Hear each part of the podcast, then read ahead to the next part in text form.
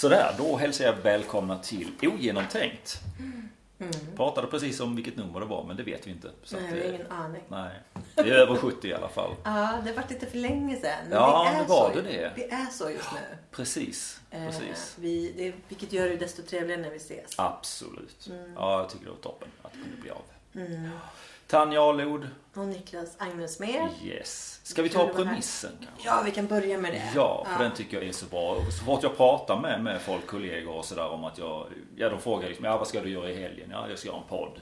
Så berättar jag gärna om premissen också, att vi får lov att ändra oss eller vi får lov att eh, låna någon annans åsikt eller vända och vrida på det. Och det tycker jag är viktigt, annars kan inte jag ens prata. För att jag vet att jag ändrar mig efter tid. Eller alltså att man har fått mer fakta, mer information om ett ämne till exempel. Och då kan man ändra sig.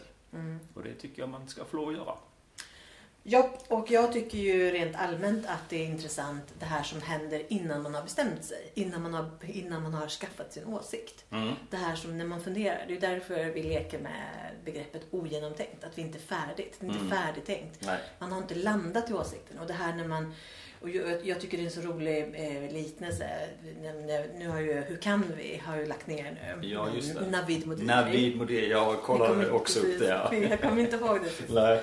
Eh, tappar namnet. Men han, han pratar gärna om att ah, men när det skaver mellan människor. Och, Mm. och han, i i de samtalen som han hade, där hade ju folk format åsikter. Mm. Och gned dem liksom mot varandra för att hitta skav mellan människor. Men Mm. jag tycker att det är mer intressant när det liksom uppstår det här obekväma hos sig själv. Mm. När man känner att här, här går det inte riktigt ihop. Mm. Hur känner jag inför den här frågan? Och att det faktiskt får vara Mm. så, så här, att frågor får vara svåra och man kanske inte ens behöver bilda sig en, en åsikt. Nej. Utan att om jag, om, jag, om jag tänker så här, var landar man då liksom? Mm. Ehm, och ibland har man ju åsikter. Ja, Jag till exempel tycker ju inte om pant. Nej, just det. Just det. Jag läste häromdagen, att, eller nu- var det inte häromdagen utan det var några veckor sedan. Mm. Men jag läste att eh, Sverige har slagit rekord med vi pantar mer än någonsin. Vilket ju då egentligen inte säger att pantar vi mer än någonsin eller säljs det fler pantobjekt? Eh? Jag tror att det är fler objekt. Ja. Eh, för att saftflaskor och ljusflaskor och sådär är förlagda med ja, pant just nu det, det är ju också. Mm. Så att jag tror det har blivit mer utav det. Ja, och så tänker jag det är en enorm mängd, eh, det är en enorm konsumtion av, av energidryck. Ja, det är det. Eh, och den, det är ju ett helt nytt segment, Ja. tänker jag. Och jag har för mig att det finns en app också där pant ingår på... Alltså man betalar egentligen inte panten men man får någon slags värdekupong. Jaha. Eh, För vissa produkter som är inlagda i det pantsystemet. Så där, jag kommer inte ihåg. Det här, var, ju- det här pratade vi om för några år sedan. Ja, men det jag var ju... laddade ner den det- men jag ja. orkade inte riktigt Nej, för det var ju egentligen inte pant, det var ju mer kuponger. Ja, det var att ju eh, om, det. du, om du skannar in den här streckkoden så får du Ja, precis, på, exakt. på varan. Exakt. Så köp de här bröden. Så, så att bröden, eller liksom olika märken, om de signar upp sig hos en vinst. Eh, Mm. Jag kommer inte bara ihåg vad, vad de hette, de som gjorde det här. Nej, jag minns inte heller. vet inte om det, det, det låter inte som att det har slagit riktigt. Nej, det var ju ett tag sedan som vi höll på med det och det, jag har inte hört talas om det sen. För tanken var ju att man skulle kunna liksom Antingen när man stod på återvinningsstationen skulle man kunna hålla fram sin telefon och liksom skanna streckkoden Mm, mm. och så, Ja, så skulle man kunna få då kuponger. Precis. Eh, så det är ju egentligen någon form av nästan omvänd pant. Ja, det kanske det är. För alltså, grejen med pant är ju att när du köper någonting så lägger du en krona liksom, eller en viss peng. Precis. Som en, men, men här är det ju snarare tvärtom. Du har köpt någonting och eh, eh, när, du, när du återvinner den Mm. så får du någonting som du kan använda till ditt nästa köp Mm. av samma vara. Mm. Så det är ju, jag tycker att det är fel att säga att det är pant. Men de, de rider ju på den tanken. Ja. Återvinning tycker vi ju är bra. Ja. Det, det är ju inget konstigt. Och just aluminiumburkar, det tycker jag ju är. För det, det, det är det jag kan tycka är lite intressant också när man är... När det infördes, hela pantsystemet, så var, var det ju en genuin oro att man skulle få väldigt mycket skräp. Mm. Och just aluminiumburkar är ju inte trevligt att ha skräpas ner i naturen för de blir ju liksom så vassa och, och bryts inte ner. Och det gör ju inte plats heller. Precis. Det finns en liten eh, filmsnutt på Youtube om just hur man gjorda med pant, eller eh, burkar. Jag tror inte de var gjorda av aluminium förr. va? Jag tänker på 70-talet här. Men det kanske till och med var som stål eller. Ja, precis. För att grejen var det. Jag var på kurs alldeles nyligen där vi, vi pratade om, det handlade inte om nedskräpning egentligen men jag, jag vet inte hur vi kom in på det. Men då visade han i alla fall den här filmsnutten om att de var ute i en båt och de eh, tog en öl och hällde upp det i ett glas. Och sen så vände han på burken och gjorde två stycken hål i burkbotten och slängde den i sjön för att den skulle sjunka. Och detta var Socialstyrelsen som, Ja. som eh, eh, rekommenderade Ja. att göra på det viset. Jag tappar hakan. Fullständigt. Ja, men det, för det finns ju en annan sån video där man, där man så här, det är viktigt att ta hand om ditt skräp när du är ute i naturen. Vi vill inte ha skräp Ja, som ligger den överallt." såg vi också. Ja, men de paketerar det till en liten bal Och, och punkterar. lägger, punkterar och slänger in Och slänger. sten i lådan också. Och Ja, sen slänger man det i sjön. Så att det ska liksom hamna på botten. Snyggt och prydligt. Ja, det man inte ser det How finns could this possibly go wrong? Ja, exakt. Ja, det är lätt att skratta liksom bakåt. Ja, jag jag Men blev jag, faktiskt tycker att just den där är faktiskt förvånande. Ja. Nej, men jag tyckte det var, det var väldigt bra att titta på den också och veta var kommer vi ifrån och var är vi idag någonstans. Mm. Ja. Och vi har ju gjort fantastiskt mycket åtgärder Ja. i så fall. Mm. Så att eh, nu kan vi sluta göra åtgärder. Nej, men just pant, för jag kan tycka liksom att nu har man ju flera återvinningssystem som, liksom, som konkurrerar lite. Ja. Och just det här när man la till då saftflaskor och sådana. Jag, jag, jag tycker ju att det är... Eh, jag kan tycka att det skulle, nej, men jag kan tycka att det skulle vara lika mycket ens ansvar att... Och, och det ska vara lätt att återvinna. Mm. Vilket det oftast är. Tänker jag. Eh, Ja, om jag, skulle nog kunna önska mig någon mer station lite närmare mig. Ja. Men man får ta det liksom i ett flöde om man har något ärende liksom så får man ta Ja. det, ja, förlägga det på något vis. Så. Ja, för jag tänker även liksom när vi är på landet uppe i Värmland så är det Mm. ju, då har de ju stationen precis vid affären. Så det är ju, alltså det är på många håll tycker jag som att det är, det är väldigt lätt Mm. att ta hand om det. Och det är nästan, det är nästan lättare än att bara slänga det i soporna. För sopor, det blir så himla mycket, jag tycker det är så tråkigt att springa och samla sopor. Det är inte Mm. roligare liksom. Mm. Så att jag tycker att det är, men just aluminiumburkarna tycker jag, det, det är väl bra att de kommer in liksom hanteras på ett bra sätt. Mm. Ja men absolut. Ja. Sen kan man ju Man tycker ju det liksom att en, en burk den väger ju inte så mycket sådär. Men sen när man väl känner på alltså, riktiga aluminium saker så, så väger det ganska mycket ändå. Mm. Så att jag gissar att det blir en hel del till slut Mm. utav de här burkarna. Ja, det är ju en- enorma volymer. Nästan 300 per... Och, och det här. Det säljs i snitt då... Två, eller man pantar i snitt 295 burkar per person och år. Okej, nästan... eh, Nästan 300. I Sex, Värmland- sex i veckan typ sådär någonting. Eh, sex i veckan? Ja, ja det blir ju Ja, precis. ja jag tänkte på ett år. Jag Ja, tänkte helt så, så Ja, men precis. nästan nästan. en om dagen. Mm, nästan en om dagen. Det, och det, det tycker jag är groteskt. Mm, mm. Alltså hur, hur, hur är det möjligt? Mm. Jag förstår, jag förstår faktiskt. Och då, tänk, och då är det dessutom att eh, den sjunde, den, det är förmodligen en som aldrig blev pantat. Så kan det vara. Så kan det vara. För allt pantas ju inte liksom. Nej. Och det är ju både för att man, eh, den går sönder eller man använder en flaska som vattenflaska eller någonting Mm, och mm. etiketten blir trasig. Mm. Eller den åldras eller någonting. Ja, en hög med vattenflaskor i bilen.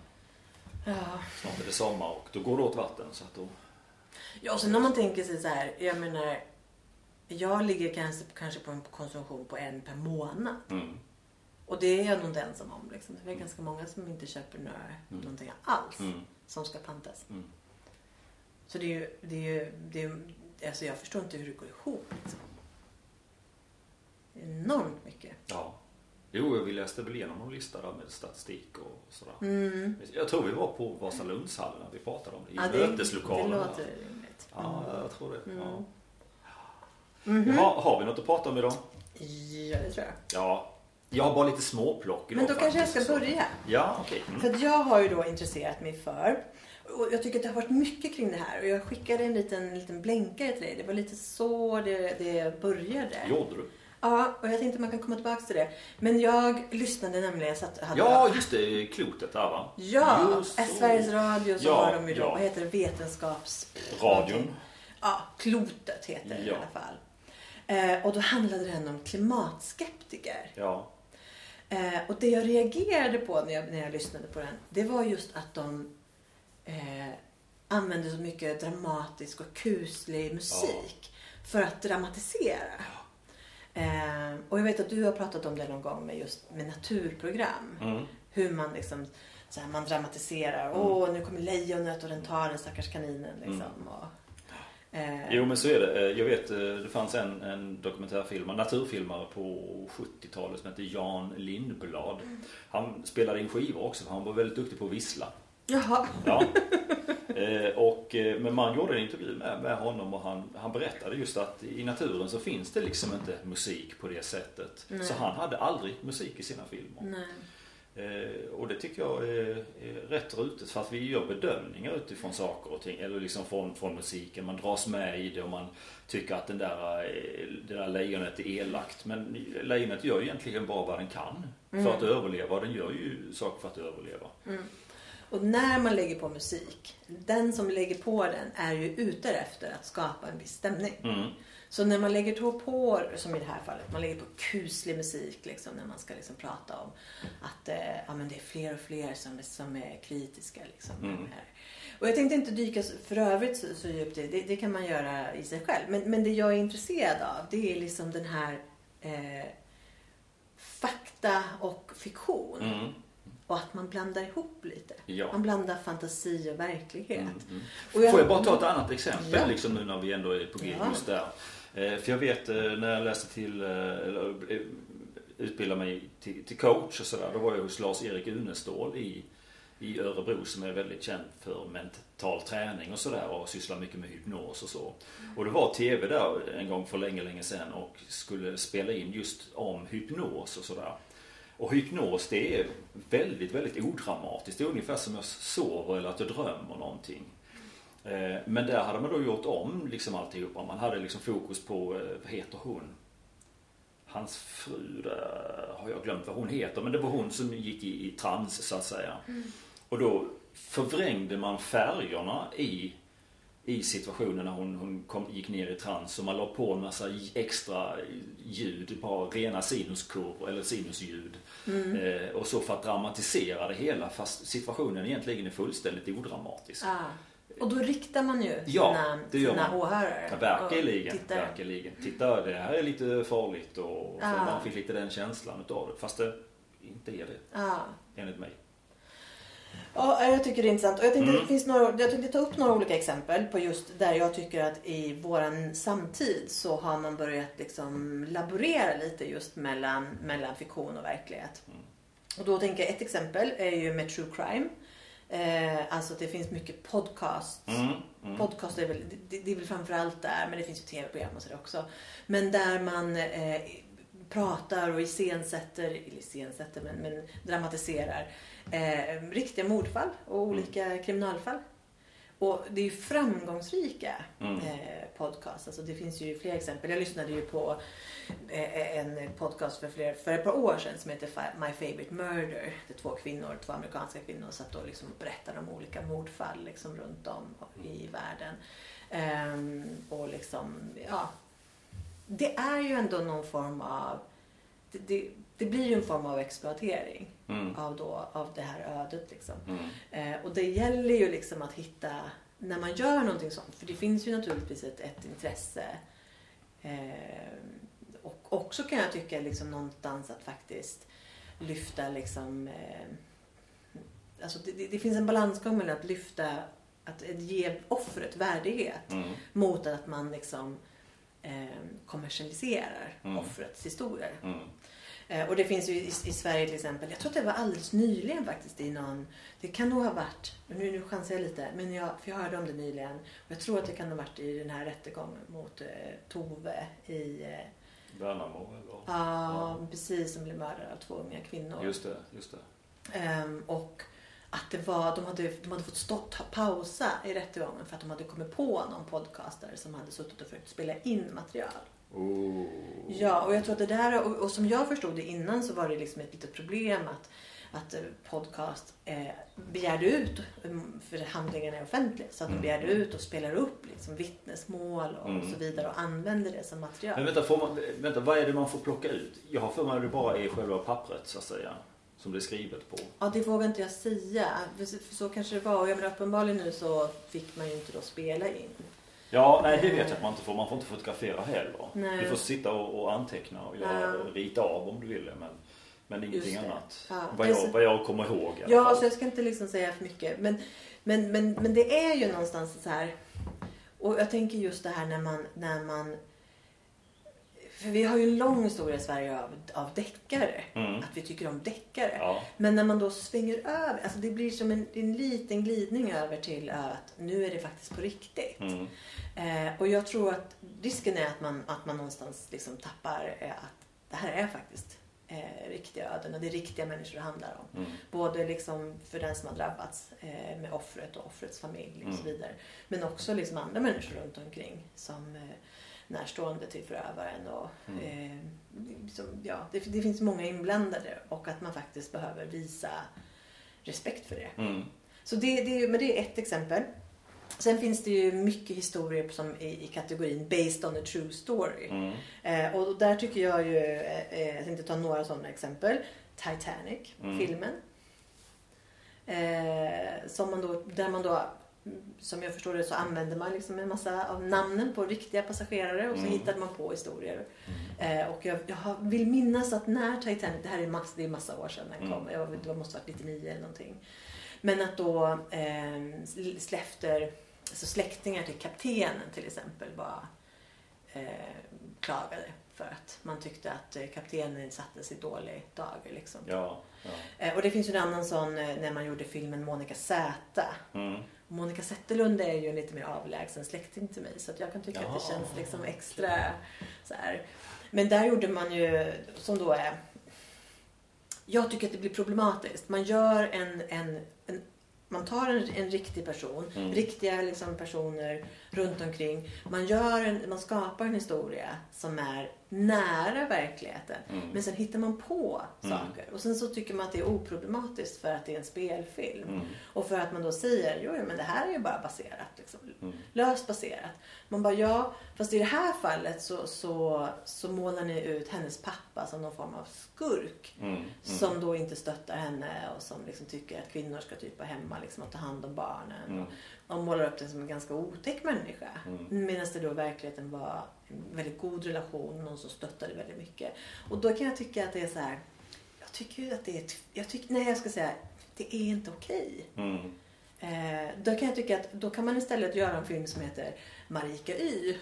Och så, Mm. och så får den vara liksom så här eh, eh, att här har vi inspirerats av Monica Zetterlund och hittat på en helt egen Ja, men fiktion. Ja, men det, Men det är liksom, här har vi den här jazzsångerskan på så här 60-70-talet som hette Monica, eller Marika Y. Ja. Eh, Eller, ja, och sen så gör man en, Mm. en story om det. Som faktiskt är så här, men det här är, det är separat. Mm. Ja, nej, där är det ju liksom ytterligheterna som, som eh, jag har sett den filmen ett par gånger. Jag tyckte den var väldigt fin. Jag, jag gillade den. Monica Z. Ja, sen samtidigt så är det ju, jag vet ju inte vad som är sant och vad som är falskt i Nej. den. Utan jag bara svalde allt egentligen. Jag trodde väl kanske att pappan var hård på det sättet. Mm. En, men, men å andra sidan så blev det dramaturgiskt korrekt. För han vänder ju sen då när hon har varit över till USA. Mm. Och eh, blev nästan rörd där. För då ringer han ju till henne och gratulerar henne till, till och att han är väldigt stolt över henne. Mm. Så, att, så dramaturgiskt sett så, så blir det ju liksom från ena sidan till andra sidan. Ja, det är en det- större vändning Ja, än att han är snäll det så hela platt. tiden liksom. Ja, ja, men det låter så platt Ja. Det är ju så här, för det är en klassisk historia. Ja. Ehm, ja. Mm. Men, men jag menar, det, men, och här har du ju, det här är ju hyfsat nyligen, så har ju det finns en journalist som skriver för Kvartal som heter Lappo Lappin. Och han har gjort en granskning. Och jag föreställer mig att det här är en, en fyrkantig person som, som bara in och petar liksom. Mm. Som bara vill så här. Ja, jag måste få veta hur det här, hur ligger det här till? Alltså verkligen Mm, vad man mm. tänker sig en grävande journalist. Mm. Så bara, "Nej, jag kan inte ge Lite mig för nörd. det. Ja, säkert. Jag Mm. föreställer mig liksom väldigt fyrkantigt. Mm. Eh, för han har ju då eh, han, han har ju då diskuterat, han, han har ju då eh, grävt lite i det här. Eh, Alex Schulmans Mm. eh, bok, film och Bränn alla mina brev. Mm. Som då handlar om, om hans mormor och morfar och hennes då just älskare. Det, har jag hört dem pratat om på radio. Ja. Mm. Ehm, och där då, som man då säger, ja, men det här är en roman. Men personerna är ju på riktigt. Mm. Och, sen, och, och det han då Lappi Lappi, han, han, det han har liksom kritiserat eller liksom ifrågasatt det är ju just att vad är egentligen som då är sant? För att Alex Schulman har ju då gått ut i mycket intervjuer och sagt att ja, det, är, alltså, så här, det, det, det, det här är sant. Eh, men det är en, det är en, det är, det är en fiktion. Men det, Mm. men det här är sant. Det som är intressant är att det är sant. Eh, och, och, och det är ju så pass långt draget att han beskriver hur hans morfar då försökte köra ihjäl sin Ja, fru. just det. Ja. Och att det var de som körde ut för ett stup. Ja. Och bilen började brinna och, och, och hon fick liksom ärr och sånt. Så det, fast sen när man tittar på det så visar det sig att nej, men det hänger inte alltid ihop. Utan Nej. man har plockat ihop det som man vill för att få en Mm. bra Mm. historia. Och det där tycker jag ju är, alltså det, någonstans var går gränsen då till att det faktiskt blir förtal? Mm. Eh, ja, det, och jag tyckte det var ganska komiskt. Det var, de hade en liten diskussion i, i då kvartals veckopanel och Hanif Bali var med och då tyckte han att man får väl se om några år när jag skriver min roman om en, om en, om en kille som heter Alex Schulman. Som är, som är roman som... Men, får se vad de säger då. Mm. Eh, men, men jag tycker att det där är... Jag tycker som sagt att det är intressant. Och när jag satt och googlade lite på det där så kom jag över någon, någon norsk journalist som konstaterade att ja, i Sverige så ligger vi några, ligger vi några år efter. För att i Norge så har man satt upp tydliga, liksom, eh, om det är lagstiftning med, Ah, det måste det vara då, vad som okej. gäller för just, med just eh, eh, när det ligger nära till hands. Och det handlade om då Åsne Seierstedt. Hon gav ju ut en bok med bokhandlaren i Kabul som stökade till det väldigt mycket för och blev stämd. Och, Ja, just och då blev det liksom i svallvågorna på det som jag förstod det att man, att man eh, satt upp. Ja, hon hade varit i något krig va? Som, eh, Ja, i Afghanistan. var det, Af- ja, ja, okej, ja. Mm. Och så var det då i, ja visst var det Afghanistan? Kabul ligger väl i Afghanistan? Minns jag fel? Ah, jag vet inte. Ja. Mm. Vi säger så så länge. Ja, det, det, är ju- det känns på ett sätt som inte så länge sedan, men det är det ju. Mm. Ja. Det är ju länge sedan. Eh, men så där hade de liksom rätt ut på ett annat sätt. Och, och, eh, eh, och, och, och, och det har varit liksom väldigt mycket två läger då i den här diskussionen. För det har blivit en ganska intensiv diskussion. Mm. Där då Alice Schulman och många av hans liksom eller de som, som kanske förespråkar det, de säger att det här är en roman, vad är, det, vad är problemet liksom? Mm. Eh, Medan de säger att jo men, men om han sitter i intervjuer och säger att ah, det här är sant. Mm. Eh, alltså, som, som, Men det är en fiktion. Men det är fiktion. Alltså, så här, ska man inte tydliggöra då vad gränsen alltså, Behöver Mm. man tydliggöra? Var, var, som sagt, var går gränsen Mm, just när det mm, finns, mm. när det är riktiga människor det handlar om? Mm. Eh, och jag tycker ju ett annat exempel är ju då Pamela Anderson och Tommy Lee. Eh, och där har det, kom det förra året så kom det då en, en, en tv-serie eh, som då handlar om, om dem. Mm. Där, och, ja, men där får man ju tänka sig det här är personer som Ja, de, vad är de i närmare 60-årsåldern idag? Mm. Och det vill säga, och så, så handlar de, de har ju försökt att göra dem så lika som möjligt. Mm. Och så handlar det liksom om, om då, eh, ja men tiden efter deras, de hade gjort en, de hade väl gjort en liten hemmavideo liksom. Mm. En sexvideo som hade kommit ut. Mm. Eh, och bara den, bara den tanken liksom att först då så går du igenom det här när den typen av privat material liksom kommer till allmän kännedom Mm. och du kan inte kontrollera det överhuvudtaget. Mm. Och vad det innebär för dig. Och sen då, så här 20-30 år senare, då väljer någon att göra en tv-serie om det. Som du inte har fått sätta okej på. Mm. Så att de gör en story om dig. Och dramatiserar det. Och, och kallar det för någon form av, vad ska vi se vad de ville, eh, att de, vad är det för att de, ja det är någon form av, alltså det, det är liksom, de har gjort det som, det är en humor, en humorserie liksom. Okej. Som då är, är baserad på, det, på, deras, på deras liv. Som de inte har satt okej till. Alltså jag tycker att det är För då låter det oetiskt. Ja, då låter det lite grann som att det går till förtal. Ja, och vem äger rätten till ens historia? Ja. Och någonstans är det väl eh, som man då backar tillbaks till Titanic.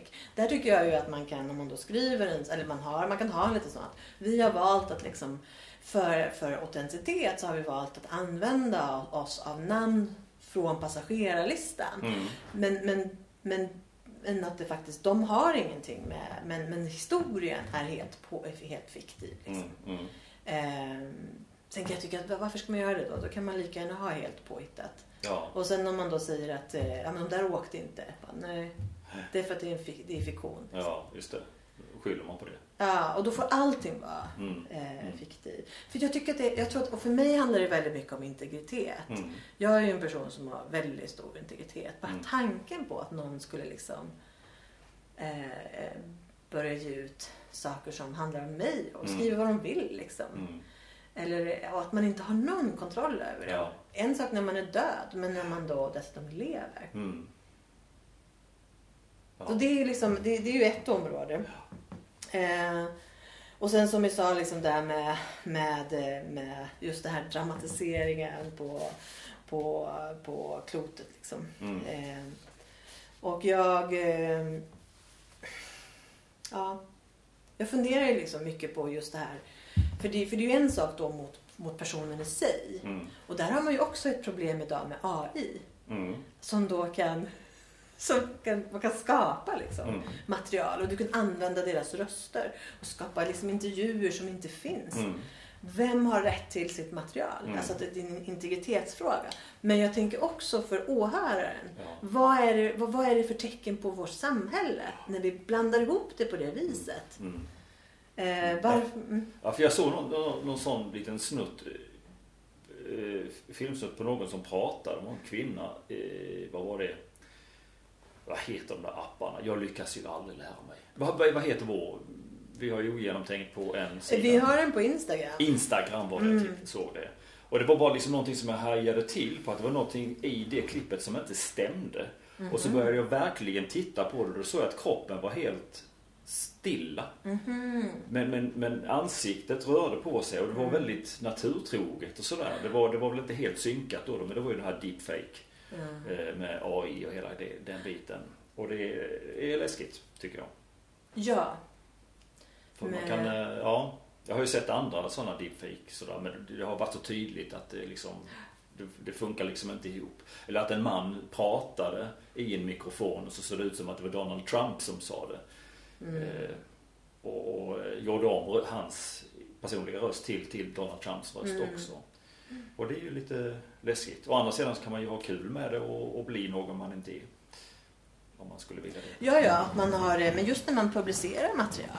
Ja. Eh, och, att, och det här att man faktiskt, som man ändå gör då i både de här podcasterna och alltså att man faktiskt, du tjänar pengar på någon annans livsöde Ja, som du själv har hittat på. Mm. Alltså när man går till och med, alltså antingen när det är, när det är att, att du bara rent plockar liksom det här ödet Mm. eh, och tjänar pengar på det men också när du faktiskt hittar på någonting Mm. eh, för att få en större dramaturgisk effekt. Ja. Eh, det var ju också en sån sak. Jag såg, eh, jag kommer inte ihåg vad den heter nu, men eh, Hudson River med Tom Hanks. Mm. Han spelade då flygkapten. Det var, det var ju ett antal år sedan så var det ju en det, var, det blev ju ingen olycka. Man hade lyft liksom och sen så hade man bara kommit en liten bit och så insåg kaptenen att det, det här är fel liksom. Mm. Och så gjorde han en nödlandning på Hudson River. Ja, just det. Ja, och jag såg filmen till det. Eh, Och, och den fick jag också lite kritik efteråt just för att man i filmen, för att det då ska bli en dramaturgisk historia, Mm. så har man ju då valt att göra flygbolaget till någon sorts skurk som försöker sätta dit honom för att han inte satte det i auto, typ på autopilot eller Ja, okej. Ehm, och då gör man det. Och, då, och det är ju då för att man ska skruva till den Mm. historien. Mm. Ehm, och återigen så där, så här, där tänker jag att man kan ha en disclaimer liksom i slutet Mm. eh, av att eh, så här var det faktiskt inte. Mm. Utan, eller att man då byter namn på flygbolaget Mm. eller vad man nu Mm. skulle kunna Mm. göra.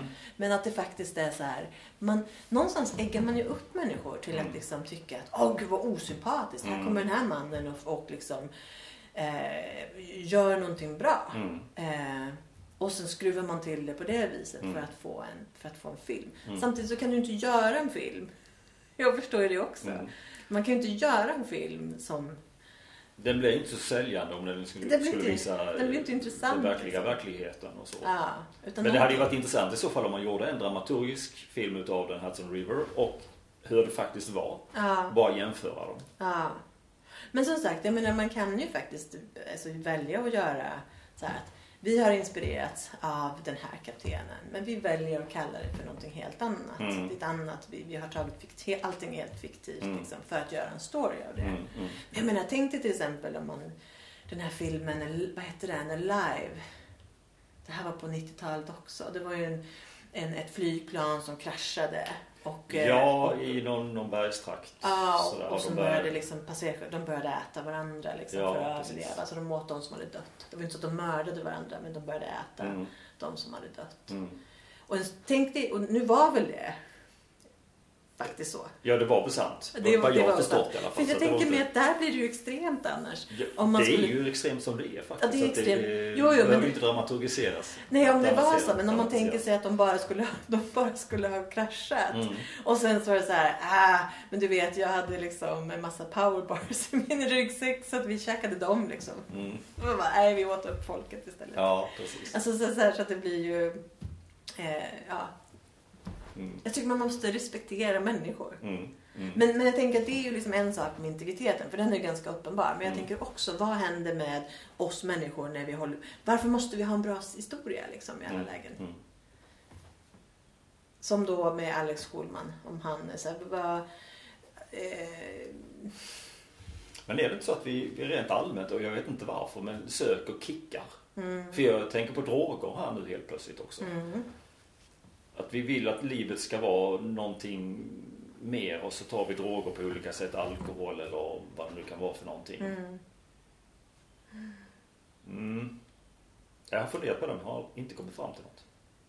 Nej, Och det blir likadant med filmer liksom, att det blir liksom, det ska skruvas kicka till. till, på Ja, något vis. kick. Ska bli berörda på något vis. Ja, där har vi ju väldigt Upprörda, mycket vad vi, berörda. där vi är idag. Mm. Ja, jag tänkte på det du sa när du började prata om Instagram. Att, Mm. För jag har lite krig med Instagram just nu. Eh, så, och jag tror att jag kommer förlora, förlora det. Det låter ju mer dramatiskt än vad det är. Att vi ser. Ja, ja, jag var precis på väg att fråga om du dramatiserar just nu eller inte. Ja, nej, men det, det är ju det här att de... Eh, jag tycker ju att Instagram är trevligt. Mm. Jag har ju tyckt att det har varit trevligt. Mm. Eh, men jag tycker ju att det har tappat liksom... Det har tappat eh, det trevliga. Alltså, Mm. det, det, initialt så var det ju bara lägga upp en bild. En bild tar sig mer än tusen ord. Mm. Lägger upp en bild, du kan följa liksom vänner, Mm. bekanta, eh, kända. Och sen så, så här ser du, du får ett rakt flöde i eh, dagsordning liksom. Mm. Eller datum daterade. Och du ser liksom, och du kunde gå in, du såg, tittade igenom och sen såg du, ah det där har jag redan sett. Mm. Och då var du klar. Mm. Eh, inga, inga långa liksom, inga långa texter. Nej. Utan bara en bild och kanske en, ett, par, ett par ord liksom, som Mm. förklarar det. Och sen har det bara spårat ur. Och nu idag så är det ju då att man har i princip inga, det är så otroligt få inlägg från människor som man känner. För det, folk har väl ledsnat på det också. Ja. Att man har ledsnat på det just för att det är väldigt mycket eh, Instagram pumpar in saker som de tycker att jag ska vara intresserad av. Mm. Och eftersom att jag då är kvinna i 40-årsåldern Mm.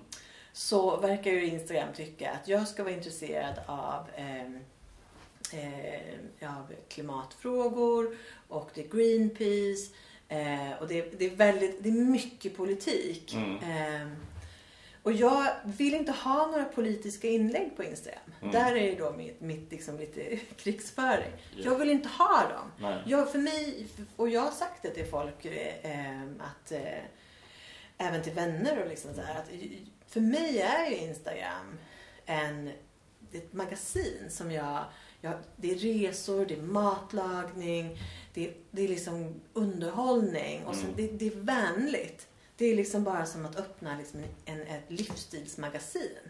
Jag vill inte ha politik i det. Jag Mm. vill inte. Eh, och jag vill inte ha några Greenpeace-inlägg. Det spelar ingen roll vad jag tycker om Greenpeace. Jag vill inte ha dem där. Mm. Och jag sitter liksom och så här, nu har jag börjat med att jag bara försöker liksom så här, jag vill inte ha det här. Mm. Jag är inte intresserad, visa inte det här. Mm. Men det, det, den, den, jag dränks ju i- Mm. i dem. Eh, och alla möjliga olika, mycket, mycket vänsterdebattörer Mm. med Märta Stenevi och i och för sig, hon kanske inte skulle hålla med om att hon var en vänsterdebattör. Men, Nej, men det är hon i alla fall. Ja. Men väldigt mycket så så inlägg som är så här. Jag är inte... Det spelar ingen roll vad mitt intresse är. Jag vill Nej. inte ha det där. Nej, Det är inte det forumet som jag vill ha det till. Eh, och nu har jag ju liksom börjat komma till att det är nästan inte värt att använda alls. Nej. Nej, jag har väl haft ett par månader nu och jag vet inte Mm. egentligen. Ja, man ser väl något som är lite roligt ibland och sådär. Så på en, eh, var någon symfoniorkester. Sånt gillar jag ju, den Mm. Ja. klassiska musiken. Och sådär. Eh, symfoniorkester som hade spelat ett väldigt lugnt parti i någon konsert. Och sen nästa stycke eh, så börjar det med ett stort ackord, starkt, inklusive pukor. Och de bränner av skitstarkt. Och så är det en kvinna i, i publiken som tjoar till. Och visar det sig att hon har somnat under förra stycket innan de började det här starka stycket. Jaha. Och alla börjar skratta liksom för, Ja. skratta till liksom för att hon blev så rädd eller vaknade till där. Det var faktiskt väldigt eh, kul tyckte jag. Ja. Ja. Så ibland är det Men- lite underhållande. Ja men det är det som jag tycker är eh, grejen också. Behöver jag det egentligen så, så är det ju... Men jag tyckte ju att det bidrog till mitt... Jag Ja, tyckte att det gav någonting. Ja, visst. Jag tyckte att det var trevligt. Och nu har de, nu har de ju förstört det. Jag, jag, det irriterar mig lite. Mm. Mm. Men det tycker jag att det är så med många sociala medier. Vi har varit inne på det lite förr också. Ja. Just hur, hur att det, börjar i något format och sen så, så eh, drivs det iväg till någonting annat. Ja. Och, man kanske, och, och också att det får så här, ja men konton stängs av, att det, det, det, det blir politiserat på Mm. olika sätt Mm. och, och hanteringen av det. Som, Mm. inte, som såklart, den är ju inte enkel. Eh, men eh, ja, Mm. det är väl kanske så. Mm. Början på slutet. Ja, det finns väl ett slut för det mesta. Eller för Ja. allt möjligt liksom. Ja, nej men så det, det, var, det var lite kort. Eh, jag jag eh, funderar på just med, med eh, framförallt vart, det land, vart, vart, driver oss när vi inte kan skilja på fantasi och verklighet. Mm. Och jag tänker att det här också är lite talande för generation aldrig bliva stur som Mm. jag gärna återkommer till.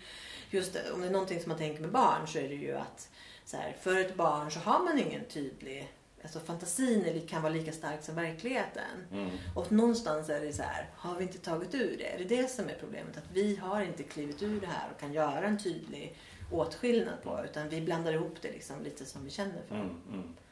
Ja, jag tror att det, det finns risker med empatin, Mm. tänker jag. Mm.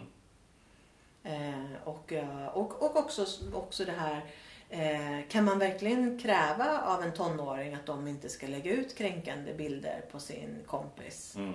eh, när vi lägger ut kränkande eh, bilder eller liksom tv-serier om Mm, andra människor. Alltså, det, det, Nej, det blir knepigt i det läget. Ja. Det blir faktiskt. Ja. Ja, så det var lite om det. Mm. Sen tänker jag att sen kan man ju komma tillbaks till själva klotet och innehållet eh, där om man vill. Ja, precis. Jag har ju lyssnat på det. Nu Ja. kommer jag inte riktigt ihåg så mycket sådär. Men jag slogs av en tanke. Det var just att de här klimatförnekarna fick man egentligen inte höra någonting utav. Nej, de fick inte uttala sig. Nej, men, men det finns en orsak till det också. Att jag, jag vet det. eh, Jag tittar mycket på Svebbe-TV, eller lyssnar snarare. De sitter ju oftast i intervjuer så att då kan man ju lyssna på det. Eh, och där har de sagt det. Både Lars Bern tror jag det var och Elsa Widding ställer inte upp på inspelade intervjuer. För att inspelade intervjuer Mm, det kan man klippa klipper. ihop som man vill. Ja. Utan det ska vara liveinspelningar då, så, eller gå live helt enkelt då, har, Mm. de, har de sagt. Och sådär. Mm. Men jag tyckte det hade varit intressant att få veta också vilka exakta personer är det som är de här klimatförnekarna. Mm. För det pratas ju väldigt mycket om dem men inte vilka eh, och vad ex- exakt är det de tycker. Och så, ja, jag fick inte riktigt Nej, de pratade ju lite om, jag lyssnade och sen lite. så ja. vid något tillfälle så svängde det över också någonting i, i samtalet också så att de själva var kritiska.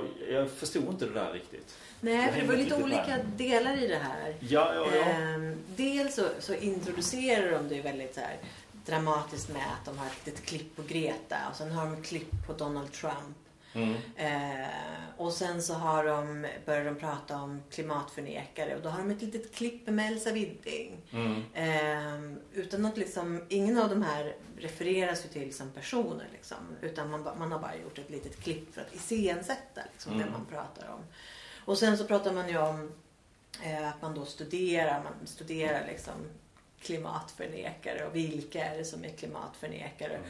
Och att man säger ja, nej, men vi ser ju att det är ungefär samma personer som då är kritiska till vaccin, alltså Ja, som, är, som är antivaxare och som är kritiska till GMO, eh, GMO-producerad mat Ja, och en massa sådana här olika Så frågor. Män och kvinnor också. Ja, skillnad. män som då är, som är kritiska till feminism. Mm. Och det är ofta det är som ungefär Sverigedemokrater Mm. som, som, som är som är, som är kritiska.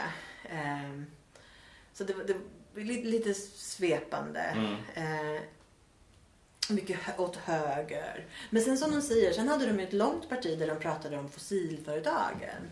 Och, eh, och att, eh, ja men, från då att man har hittat liksom eh, olika bevis som visar att, att fossilföretag har liksom under många år, alltså typ sedan 50-talet vetat att det vi gör det förstör liksom, eller det har den här, eh, bidrar till klimatutsläpp eller klimatförändringar. Och att det, Mm. jag ska, nu, ska, nu ska jag inte säga exakt hur de formulerade sig men liksom just den negativa effekten på, Mm. för växthuseffekt och eh, sådär.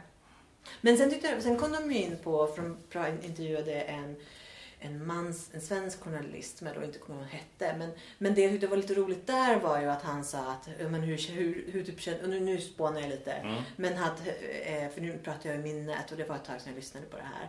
Men, men han sa liksom att de här klimatförnekarna, för det första tycker jag ju att det begreppet är så frånstötande. Mm. Eh, eftersom att det betyder i- ingenting. Man är ju inne i den retoriken överhuvudtaget med de här sista uttalanden som, som Magdalena Andersson har gjort och sådär. Att retoriken har ju blivit fruktansvärt hård. Eller Ja. osaklig. Ja, och det är ju en, en sak. Men, men det jag kan tycka som med ordet, med ordet klimatförnekare. Det, fin, alltså, det, det, det, det, det är så dumt. Jag har så svårt för det. Det, det här kommer ur den här fyrkantiga Mm, sidan mm, in. mm. Att det finns ju ingen människa som förnekar klimat. Nej. Alltså är det ett dåligt ord. Ja. Ni, de får välja ett nytt ord. Mm. Alltså att, att, att säga, det man är ju då att man är, som, man är skeptisk till att det är människan som, som har påverkat klimatförändringarna. Mm. Sen, sen är ju det ett lite för långt begrepp. Man, man får anstränga sig lite och Ja, hitta man annat det. Ja. än klimatförnekare. För det låter dumt. Och sen Mm. gör man ju också en, an, man gör ju en anspelning skulle jag säga till förintelseförnekare. Mm. Och det är ju ett precis ord. Mm. Alltså det är människor som förnekar att förintelsen Ja, har ja. ägt rum. Mm. Eh, och jag, där känner jag mig också lite skeptisk. För när man försöker göra paralleller till förintelsen då försöker man liksom rida lite på tyngden Mm. av förintelsen. Och, Mm. och det kan jag tycka är lite tveksamt. Mm. Det, det tycker jag att man gör gott i att släppa och så får man leva på sina egna meriter. Liksom. Mm. Om man nu ska använda något sånt Ja, men precis. Liksom. Men Absolut. eh, jag gillar inte, inte förtjust i det. Nej. Eh, men, men eh, så det tycker jag är en sak med att det bara det, det är ett dåligt valt ord. Mm. Och det, är liksom, det också gör att man inte... Du kommer ju aldrig få med de människorna. Om du, om du kallar någon för en antivaxare eller en klimatförnekare liksom, Mm. Mm. så kommer du aldrig kunna få med personerna i, i diskussionen. Utan det man gör är ju att man vill liksom säga att titta vi har, vi har de här människorna som är konstiga Mm. och som inte tror på forskning. Mm. Men, men de, de, de pratar ju då med den här journalisten som sa liksom att ah, det kommer ju alltid, de här klimatförnekarna kommer ju alltid med, med fyra följdfrågor. Mm. Eh, och då var ju liksom, den första var ju liksom då att, ja men har klimatet verkligen förändrats? Mm. Och sen så, ja men det, det kan man ju se liksom i, eh, att man mäter det i 30-årsperioder eller vad det är och så ser man liksom att den här perioden ser annorlunda ut än den. Ja, okej, de flesta tycker väl inte att det är konstigt att klimatet förändras. Nej. Men sen kommer nästa fråga då. Och det är, det, är ju det, är det verkligen, eh, är det verkligen människan som är inne och påverkar, eller som orsakar förändringarna? Och sen kommer nästa fråga och det är ju då hur mycket? Och då vet man att man har en klimatförnekare framför sig när man ställer de frågorna. Eh, vilket jag tyckte var roligt för att, för att jag vet att jag räknade upp de frågorna i en av våra poddavsnitt. Alltså så har de outat mig som någon form av klimatförnekare. Okej. Jag känner inte igen det själv. Nej. Men, eh, men, och eftersom att jag inte så, uppenbarligen inte är jätterädd för klimatförändringar heller så är det ett väldigt uppenbart tecken på att jag är klimatförnekare då. Mm. Ja, jag vet inte. men, eh, men jag tyckte att det var intressant för just de frågorna tycker jag är rimliga. Mm. Eh, det är rimliga samtalsfrågor Mm. när man pratar om klimat, Mm. klimatförändringar. Att man faktiskt säger, men okej, eh, har, har vi verkligen förändring? Mm. Kan, vi, kan vi se det? Eller har vi naturliga fluktuationer? Mm. Det, det är ju en rimlig fråga. Mm. Eh, och som sagt, den kan man ju visa på liksom, med, på olika sätt. Mm. Eh, och grejen, här har du ju också skillnaden mot om man förintelseförnekar. Mm. Eh, för de säger förintelsen har inte ägt rum. Mm. Det här är påhittat. Mm. Men vi har ju de här bilderna. Mm. Nej, de är fejkade. Mm. Ja, men vi har ju de här människorna som har berättat om det. Nej, de ljuger. Mm. Alltså det är ju att vara Mm. förnekare Ja. av det. Men att man säger så här. Eh, har det verkligen förändrats? Ja, det har det. Det ser ut så här. Mm. Ja, då kommer man vidare. Ja, men att man går vidare då. Det är ju, det är ju någon form av nyfikenhet skulle Mm. jag säga. Mm. Sen kanske man inte gillar det man får höra. Mm. Och det var de inne också på lite i det här. Att man, att man då... Det blir obekvämt för att vi måste ändra vårt leverne. Och då kommer man ju in på politiken. Eh, och det är ju någonting annat. Ja, det det. Eh, men eftersom att mycket av det här, och det kommer du in lite med den här som retoriken som du var inne på. Mm. Just att mycket är så svepande och vagt. Mm. Så att det blir liksom... Det, det blir nästan svårt. Det så, jag, jag funderade på det efter att ha lyssnat den på. Vad är det egentligen för klimatpolitik vi har? Mm. Vad är det vi driver för någonting? Mm. Vad, vad är det vi borde göra? Alltså vad är det konkret? Och då tänker jag att här, ja, vi har ju reduktionsplikten. Mm. Det är ju en konkret då, Mm. Åtgärd som man, som man tycker. Ehm, och sen så har man ju, liksom plastpåseskatten har ju ingenting med klimatet att göra. Det är ju en Nej. ren miljöfråga. Mm. Eh, och sen så är det väl då, man har haft pre- pre- premium på elbil. Eh, den får man väl också koppla till klimatet. Är inte den borttagen? Ja, den, man hade den men man tog bort Ja. den. Eh, men, men, men jag kan inte komma på jättemånga specifika åtgärder som är så här. Det här är politik som vi har drivit Mm. för att liksom förbättra klimatet. Jag kan liksom inte se jättemånga exempel. Nej, hybrid är väl en sån grej som har med klimatet att göra. Om man tillverkar väte för att skapa kol utav, nej, vad heter järnmalm. Eh, Ja, precis, Så, eh, men, mm. Det är väl fortfarande på experimentsidan. Så Jag vet faktiskt inte hur långt de har kommit där.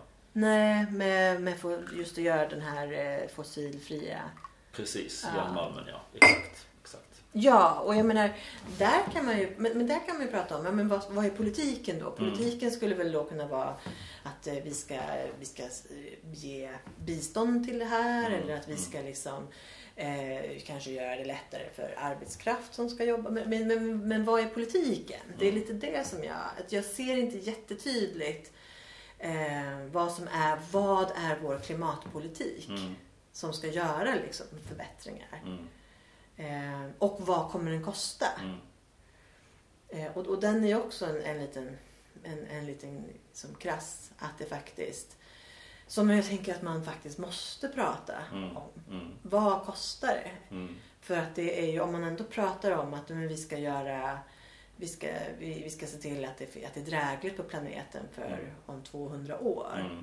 Men så är det ju väldigt krasst att, att människor kommer aldrig acceptera att inte ha det drägligt nu. Mm. Och då kan vi prata om att vi måste sänka vår standard. Men, Mm. men det är ju också människor som lever i, i andra länder som har, som har det svårt ekonomiskt och som faktiskt måste lyftas Mm. eh, upp eh, ur- ur det för att komma vidare. Och vad, vad, vad, vad innebär det? Liksom? Mm. Och jag tänker också eh, att fundera på vad är vår del i det hela? Liksom, hur stor skuld har vi? Mm. För ibland när jag lyssnar på det så låter det som att vi har en jättestor skuld. Som vi bär hela världen på våra axlar. Ja. Vilket vi faktiskt inte gör. Nej, där tror jag också att man, man måste kunna hålla liksom flera, sak, flera tankar i huvudet. Mm. Där man både kan säga att det här är saker som vi ska genomföra för att vi kan och för att vi bör. Mm. Eh, till exempel om man då pratar om att minska, liksom, eh, om man nu pratar om minska transporter eller liksom att eh, minska som, som konsum, konsumtion eller någonting. Att det är saker som skulle kunna vara rimligt. Mm. Det är rimligt att vi gör det här. Mm. Men att det också har med den här tanken att även om vi gör det här så kommer det inte påverka på det stora hela. Att, att eh, alla kan göra något men det kanske inte ger något resultat. Mm. Eh, men vi kanske ska göra det ändå. Mm. Det betyder, bara för att det inte ger ett resultat på det stora globala så betyder inte det att vi inte ska göra det. Nej, nej. Att, eh, att det spelar ändå ingen roll och därför kan vi bara gasa på. Mm. Utan att vi gör det här men vi gör det med insikten att det hjälper inte. Mm. Eh, Mm, alltså det är ju en krass liksom. Ja. För jag tror att det är väldigt många, och lyssnar man på Ring P1 till exempel så är det många som ringer in och är oroliga och som tycker att ja, vi, måste liksom, vi måste göra det här för att rädda klimatet. Mm. Eh, och, och där tänker jag ju att ja, man, man, man, man, vill, man vill saker men, Mm. men just det här att vi är en droppe i havet. Mm. Liksom. Och det är ju någonting som är väldigt krasst. Och när man då pratar om till exempel med reduktionsplikten. Liksom, att, att det här krassa att ja, vi kan blanda i jättemycket men det som händer är att vi dammsuger världsmarknaden på det och, och får en snygg bock i, i vårt protokoll. Var på, ja, exakt. Ja. exakt. Ehm, och sen kanske man tycker att ja, men eh, pushar vi på där då, då ökar vi liksom att man ska liksom eh, kunna öka produktionen. Så det kanske finns fördelar med, med, med sånt också. Mm. Mm. Men man, just att det är inte helt enkelt att Mm. få en hel ångbåt och försöka byta riktning. Nej. Att man får... Och det är ju väl vi varit inne på också med just det här att kunna acceptera att vi, vi får möta det som kommer liksom, Mm. och anpassa oss efter det. Och, eh, och lösa pro- problem Mm. eh, när vi står inför dem. Men det betyder fortfarande inte att man inte ska göra det man Nej. kan. Nej. Ehm, Men jag skulle ju vilja se mer. Nu läste jag om att på vägen hit faktiskt att EU skulle förbjuda att eh, icke sålda kläder destrueras. Eh, Ja, jag läste också någonting om det Ja. för på grund av att det blev sådana soptippar nere i Afrika någonstans. Ja, Eh, Och destruera då menar de att elda upp det helt enkelt. ja man, man kan Ja. också slänga det. Eh, Och där reagerar ju jag ju. Mm. Som jag har varit inne på det här med tyger tidigare och sådär. Och jag, tycker, jag ser ju det som en stor resurs Ja, till att riva upp kläderna och sy om liksom, eh, eller göra nya kläder utav det snarare. ja men jag tänker varför ens det? Vad menar du? Ja men varför inte försöka sälja dem? Ja, nej, men jag tänker på min t-shirt som jag har på mig. Den är rätt så tunn. Eh, och Då tänker jag nog snarare att man, man, att man Nej men den har du använt. kardar om den Ja. så att säga. Men det här handlar ju om kläder som, som eh. Är det nya kläder Ja. det handlar om nya kläder. Det handlar Ja om men det är ju bättre att sälja dem då. då. Ja, Ja, men precis. För de har ju ingen hantering av det. Och det här tycker jag, jag tycker att det här är intressant. Det är också lite var skuldbördan hamnar. Mm. Eh, för att jag läste för ett, ett bra tag sedan, men då läste jag med en ung tjej som då hade blivit blockerad på Gina Tricots eh, liksom, in hemleverans. Mhm. För hon hade, hon hade då, för de tyckte att hon hade inte skött sig. Mm. Hon hade misskött sig. Ja, jag har hört talas om sånt och då sånt hade här. de ja. ju, det kan vara till och med att vi har pratat om det här tidigare. Ja, jag Men tror hon jag har hade hört det på radion också hur Ja. det går till. Tjejer går på fredag eftermiddagen och provar någon klänning och tar hem och prov, provar, Ja, men det festar något- ja. med den och lämnar tillbaka den på måndag. Ja men det är någonting helt annat. Det är något annat, Det är en annan sak. Utan det här är Mm. ju som, och det här är ju grejen att med, med internetshopping. Att, Mm. eh, och jag vet för många det år kunna vara sedan. samma sak där? Man får hem det och sen så... Eh, Ja, och så använder man det och sen skickar man ja, det är tillbaka. absolut. Mm. Så kan det vara. Mm. Det, det, så kan det absolut vara. Men det, men det som jag tror är vanligare det är att du ska ha, du, du ser någonting, du tycker att den är snygg, du beställer den i tre storlekar. Ta den som du tycker är bäst, Mm. skicka tillbaka de andra. Mm.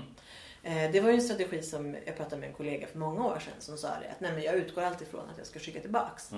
Ehm, och då, då beställer jag, och så beställer jag massor. Liksom. Mm. Vilket ju gör att du får ju, alltså det är ju inte vad företagen har tänkt sig. Nej. Företagen har ju tänkt sig att de beställer Mm. eh, och sen orkar de inte skicka tillbaks Mm. det som inte var bra. Så att, det, är, det är en vinst för oss. Liksom. Ja, och, så, och så tror jag Just det varit mycket, så det kan jag ju erkänna själv också. Att man köper någonting. Man hade kanske inte köpt dem och provat det i butiken för det var inte perfekt. Mm. Men man tänker, ah det blir bra. Jag orkar inte skicka tillbaka det liksom.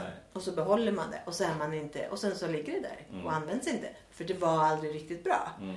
Eh, men nu så gör ju folk istället att de beställer, beställer en massa olika storlekar, lämnar tillbaks. Mm. Eh, och, och då har, inte de en, då har inte de en fungerande mottagning för det. Nej. Så de kläderna som går tillbaks går inte ut till lagret igen för att säljas. Nej. Utan de destrueras. Ah, är det så det är? Mm. Himmel och plättar. Och, då, och Okej. då, istället för att då ordna Ja.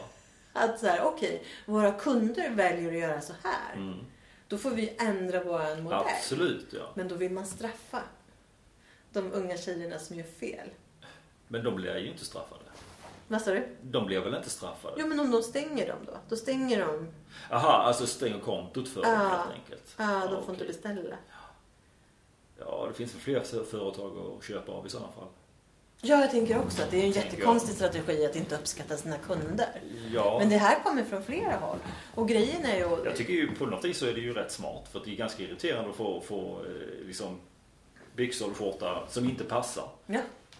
Ja, ja, och Och då, då är det ju smart för då blir det bara en försändelse tillbaka istället för tre försändelser tillbaka. Om du Ja. skulle räkna på det sättet. Alltså. Ja, ja, så det är väl många som tycker att det är rimligt. Mm. Liksom.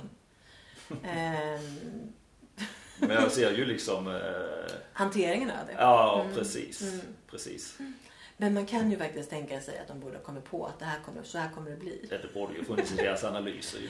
Och sen handlar det ju också om, tänker jag, att, att vara konsekvent i sina storlekar. Och ge, och ge bra bilder liksom, Mm. i, i när man skickar så att kunden får vad de förväntar sig. Ja, precis. Eh, och det tror jag man börjar bli lite bättre på. Att, eh, att kunna visa liksom, att Mm. det här... Man skriver till exempel att det här, den här är lite liten i storlekarna. Mm. Så vi rekommenderar att du går upp en storlek. Mm. Eh, och, och har liksom tydlighet där. Mm. Jag beställde ju till exempel, var förra sommaren för jag ville ha liksom ett par korta cykelbyxor att ha under när man har kjol. Mm. Eh, och då var de ju ljusgula på bilden. Och då hade de skrivit en kommentar så jag borde inte ha, men jag ville ha, jag ville ha som de såg ut på bilden. Men det var någon som hade skrivit att, att det som är stort, det stora, de ser inte alls ut som på bilden. Eh, och sen när jag då fick dem så visade det sig att det var, den kommentaren var korrekt. Mm. Eh, Vad var det då? Formen på den eller var det Nej, utan det var som ett färgen? stort svart block liksom. Eh, Okej. Så de var ljusgula med sen så ett jätteparti som var svart. Okej. Så de blev inte alls så, som, om man då ville ha på lite ljusare cykelbyxor för att ha under en klänning så att det Mm. inte blir så synligt så blev det här väldigt synligt. Mm. Så det funkar inte alls. Nej. Men där hade jag ju kunnat egentligen då lyssnat på den här kommentaren Mm. och tänkt att ja men då ska jag inte beställa den. Mm. Liksom. Och det har väl kanske också blivit mer. Mm. Att eh, man, man tar det. Mm. Så att om de och får en lite dålig omdömen för att det är så här, äh, men den sitter lite den är lite konstig storleken, Mm. men då kanske man låter bli. Mm. Eh, men som sagt, många gör väl bara att de, då, då beställer de flera storlekar och tar man den som man tycker är... För att, för att storleken är inte så konsekventa liksom. Nej. Eh, och det är också på företaget. Och jag kan tycka liksom att eh, man behöver lägga mer ansvar Mm. på företaget också. Mm. Jag gjorde ju faktiskt det. Och det tycker jag blev... För en av mina här käpphästar är ju att här, minska förpackningarna. Mm. Eh, och att framförallt inte skeppa luft. Mm.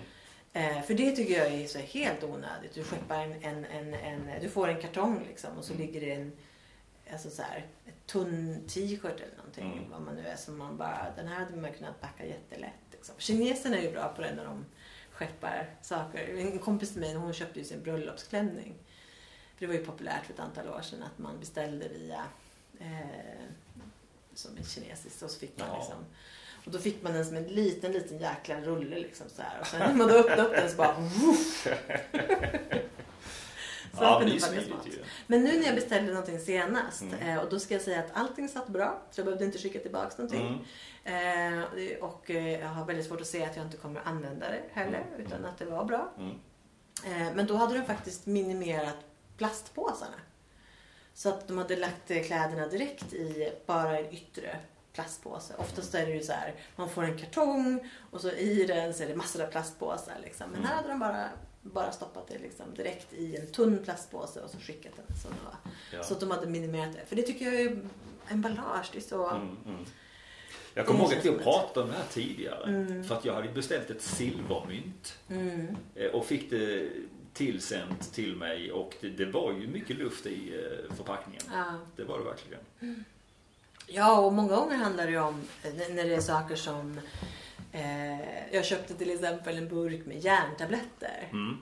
Och, då, Mm. och då är det så här, en, ingen, inte någon jättestor burk. Det är en ganska liten burk. Mm. Men järntabletterna fyller ju en tredjedel av Mm, burken. mm. Om ens det. Mm. Kanske en fjärdedel av burken. Resten är bara luft. Men då vill man ju inte göra burken för liten. För då syns den ju inte på hyllan. Nej, och sen så känns det ju som att man får lite för pengarna också gissar jag. Ja, fast det känns ju också som man får lite när man öppnar den och Ja, bara jo det gör det nästan tom. Men just liksom. när man tar den från hyllan där så är det Ja. mer, ja. ja. Jag tycker ju det är onödigt med Ja, det känns ju stora väldigt burkarna onödigt. som inte fylls upp liksom. Ja, ja jag tycker den är, det där. Och- Och jag tycker just den där skulle man kunna att... För det handlar ju väl om när man då skeppar, att man får betala per vikt. Mm. Men om man istället betalade per, per Volym. volym, Mm. så skulle man kunna komma åt. Så jag tror att man måste liksom, man måste flytta ansvaret lite. Mm, Allt mm. ansvar kan inte landa bara på konsumenten. Utan det måste, det, det måste uppfylla liksom lite krav. Mm. Jag kan tycka generellt att det är det märks ju så tydligt när vi åker och storhandlar typ en gång per månad. Mm. Och så kommer man hem och då, får, då, då gör vi alltid så att vi plockar in mat och så ställer vi fram liksom en, en, en kasse. Mm. Eh, och så alla förpackningar där. Och då fyller man nästan en kasse bara Mm. där. Mm. Med alla, alla extra förpackningar som, Mm. som ingår. Liksom. Och det känns ju också lite onödigt. Mm.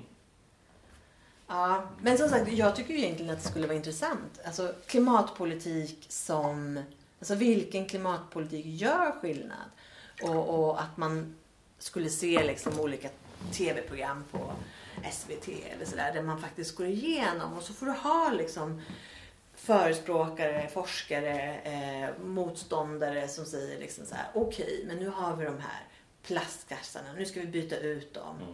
Eh, och sen får man då säga så ja ah, men okej, men är det bättre då med en papperskasse? Så får man visa det Mm. liksom.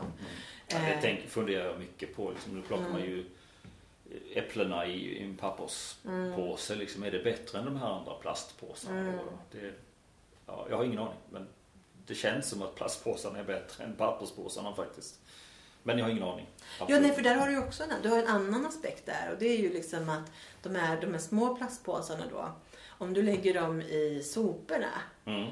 om du har blöta sopor så hjälper plasten till att generera, att göra det lättare att bränna det. Mm.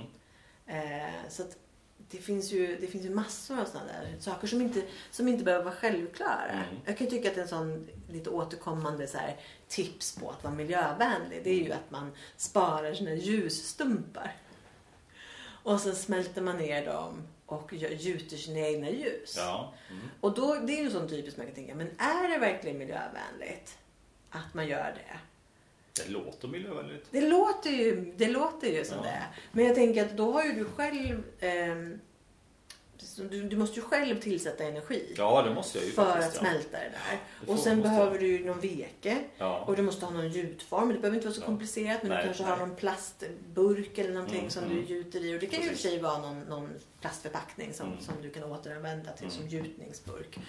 Eh, men du måste ju fortfarande tillsätta. Mot om du tänker att om du istället liksom skulle ta alla de här små stumparna liksom, och Mm. bara slänga ner dem i soporna. Mm. Så kanske de faktiskt bidrar till Mm. att generera värme Ja. och att det ger energi Ja. eh, i sin som du Mm.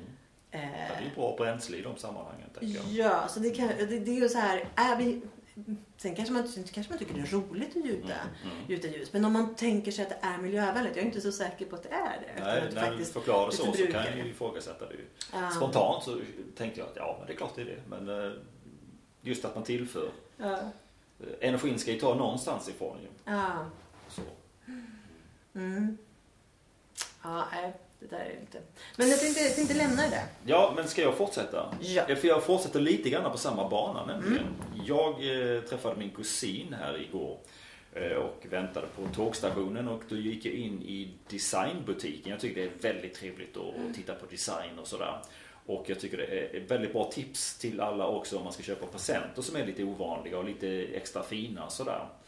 Eh, Då, då är design tycker jag är väldigt bra så. Eh, Och då hittade jag en, en väldigt spännande bok eh, som heter då Små människor, stora drömmar under det temat. Om en person som vi har nämnt ganska många gånger och berört även idag. Mm. Så kan du gissa vem det är? Jag misstänker att det är Greta. Jajamensan. Greta Thunberg. Hon har fått en egen sagobok och jag visar Tanja det här.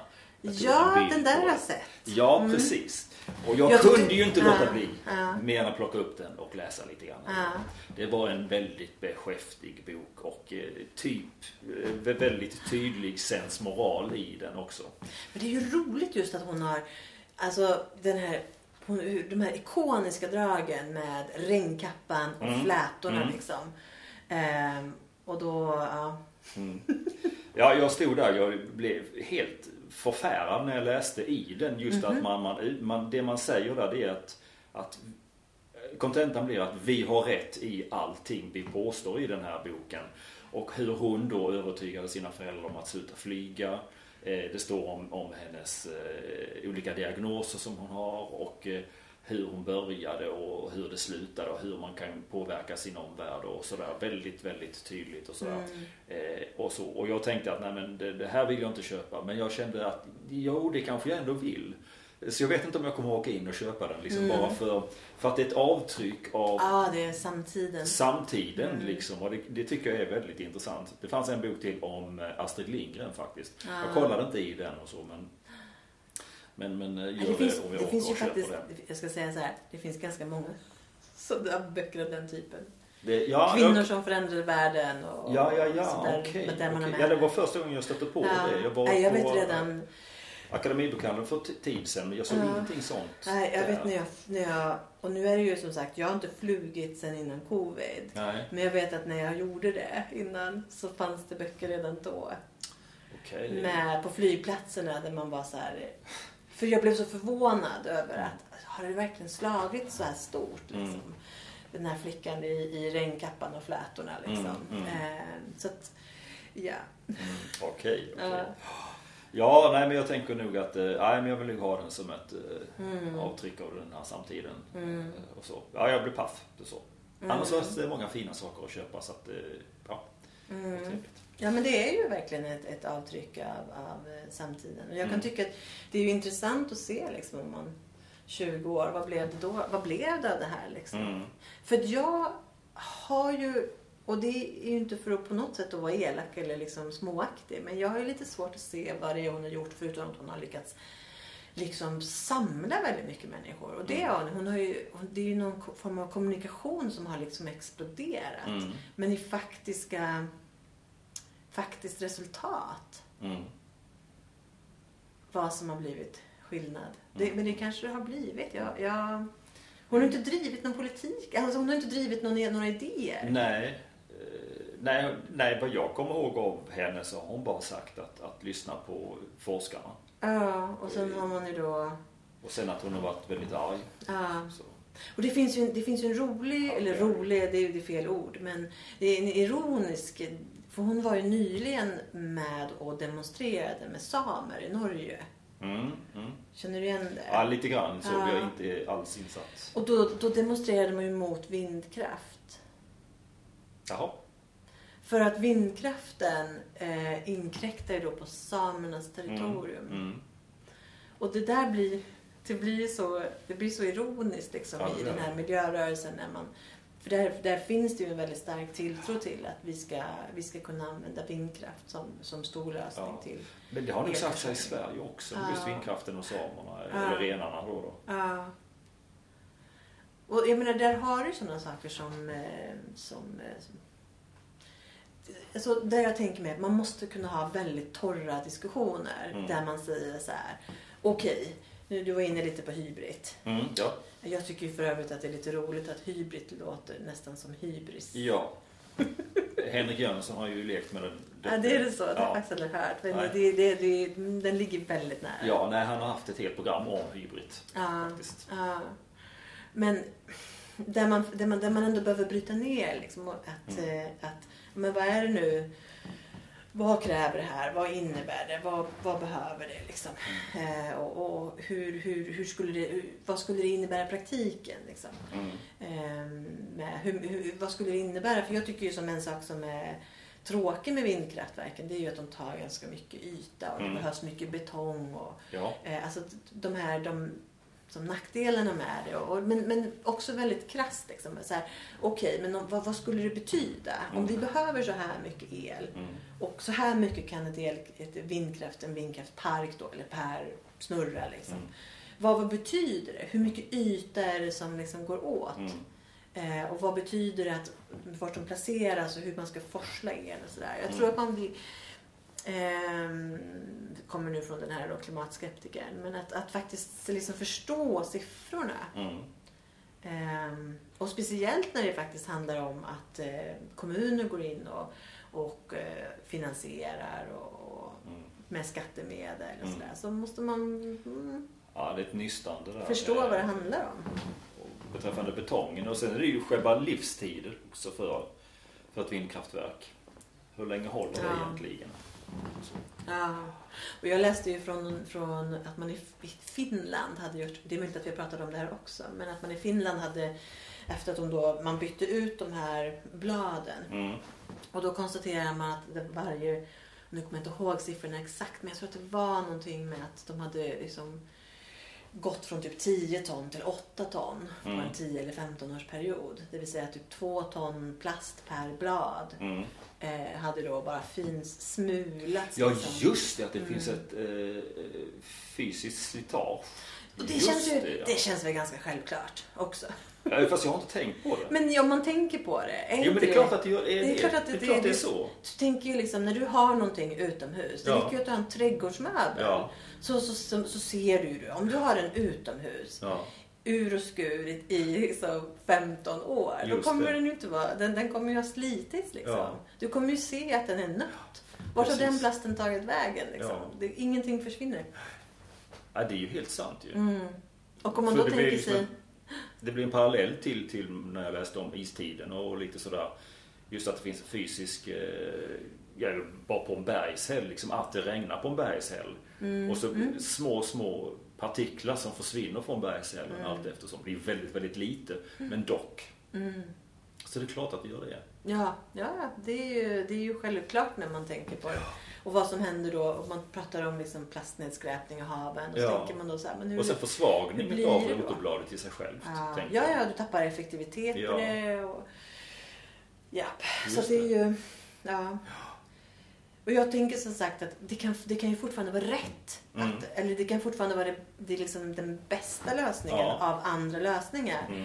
Men att man, att man faktiskt behöver förstå liksom, vad, men vad innebär det? Mm. För vi vill, vi vill ju liksom inte sätta upp stora havsvindkraftparker och så upptäcker man att oj då, nu blir det liksom jättemycket plastpartiklar i haven. Det var ju Mm. inte riktigt vad vi hade Nej, hoppats på. Nej. Eh, utan att man faktiskt... Och, men nu har man ju gått in Michael Schellenberger pratar ju om det här i, sin bok med just så här att man faktiskt att många gånger det då handlar om, om prioriteringar. Mm. Att, du får, och att det väldigt krasst handlar om att om du ska, ska vi prioritera att lösa klimatfrågan eller ska vi prioritera olika miljöfrågor? Mm. Och att det faktiskt är olika saker. Mm. Och nu läste jag ju att i, om det var i Västerås där man hade någon batterifabrik eller någonting. Mm. Då var det någon liten groda, så någon, någon, någon sällsynt art då, som var så här, nej men vi måste, den här får vi flytta på liksom. Mm. Eh, för det, vi ska sätta upp den här Mm. eh, fabriken här. Liksom.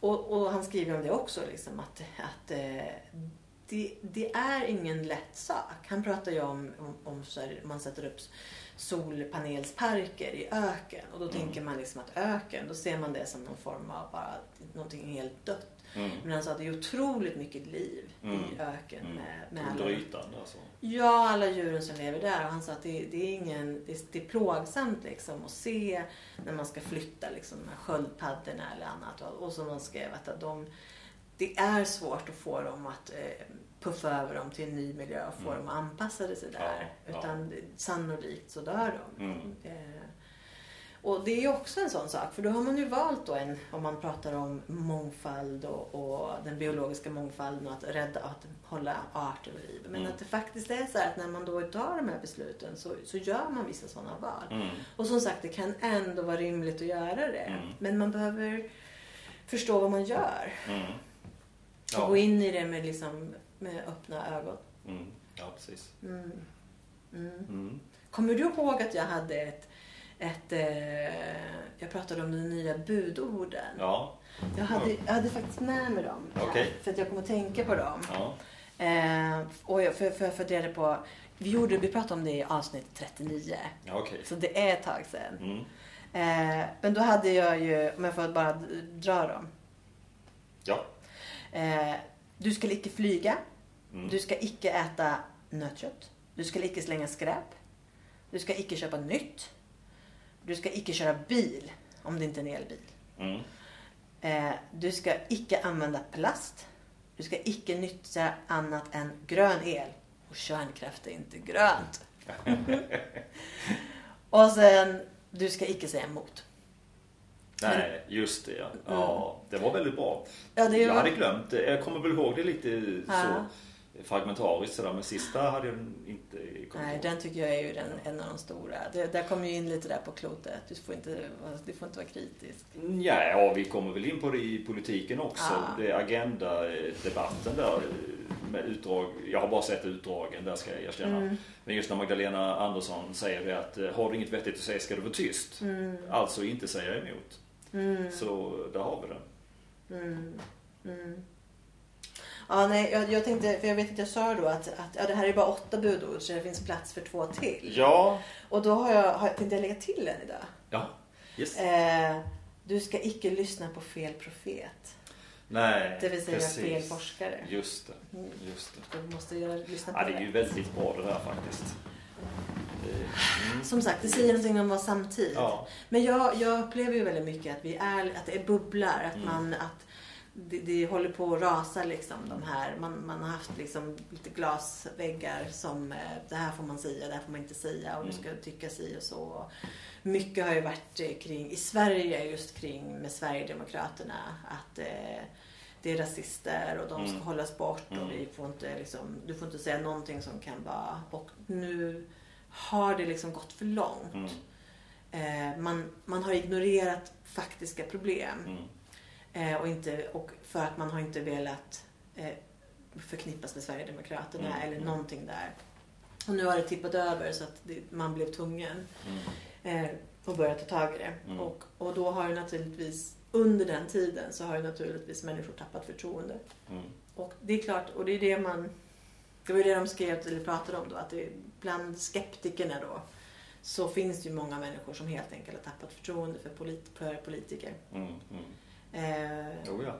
men jag tycker ju också, jag kan ju också vara väldigt krass i det här att det är ju rimligt att man, man vi lever ju i ett informationssamhälle där man måste ifrågasätta allt. Mm.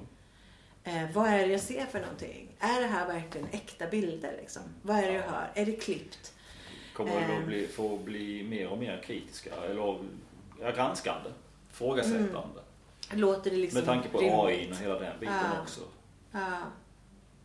Så, så. Ja. Ja, jag fortsätter lite grann på temat eh, där för att sen så kom ju då min kusin och då eh, skulle vi gå och äta.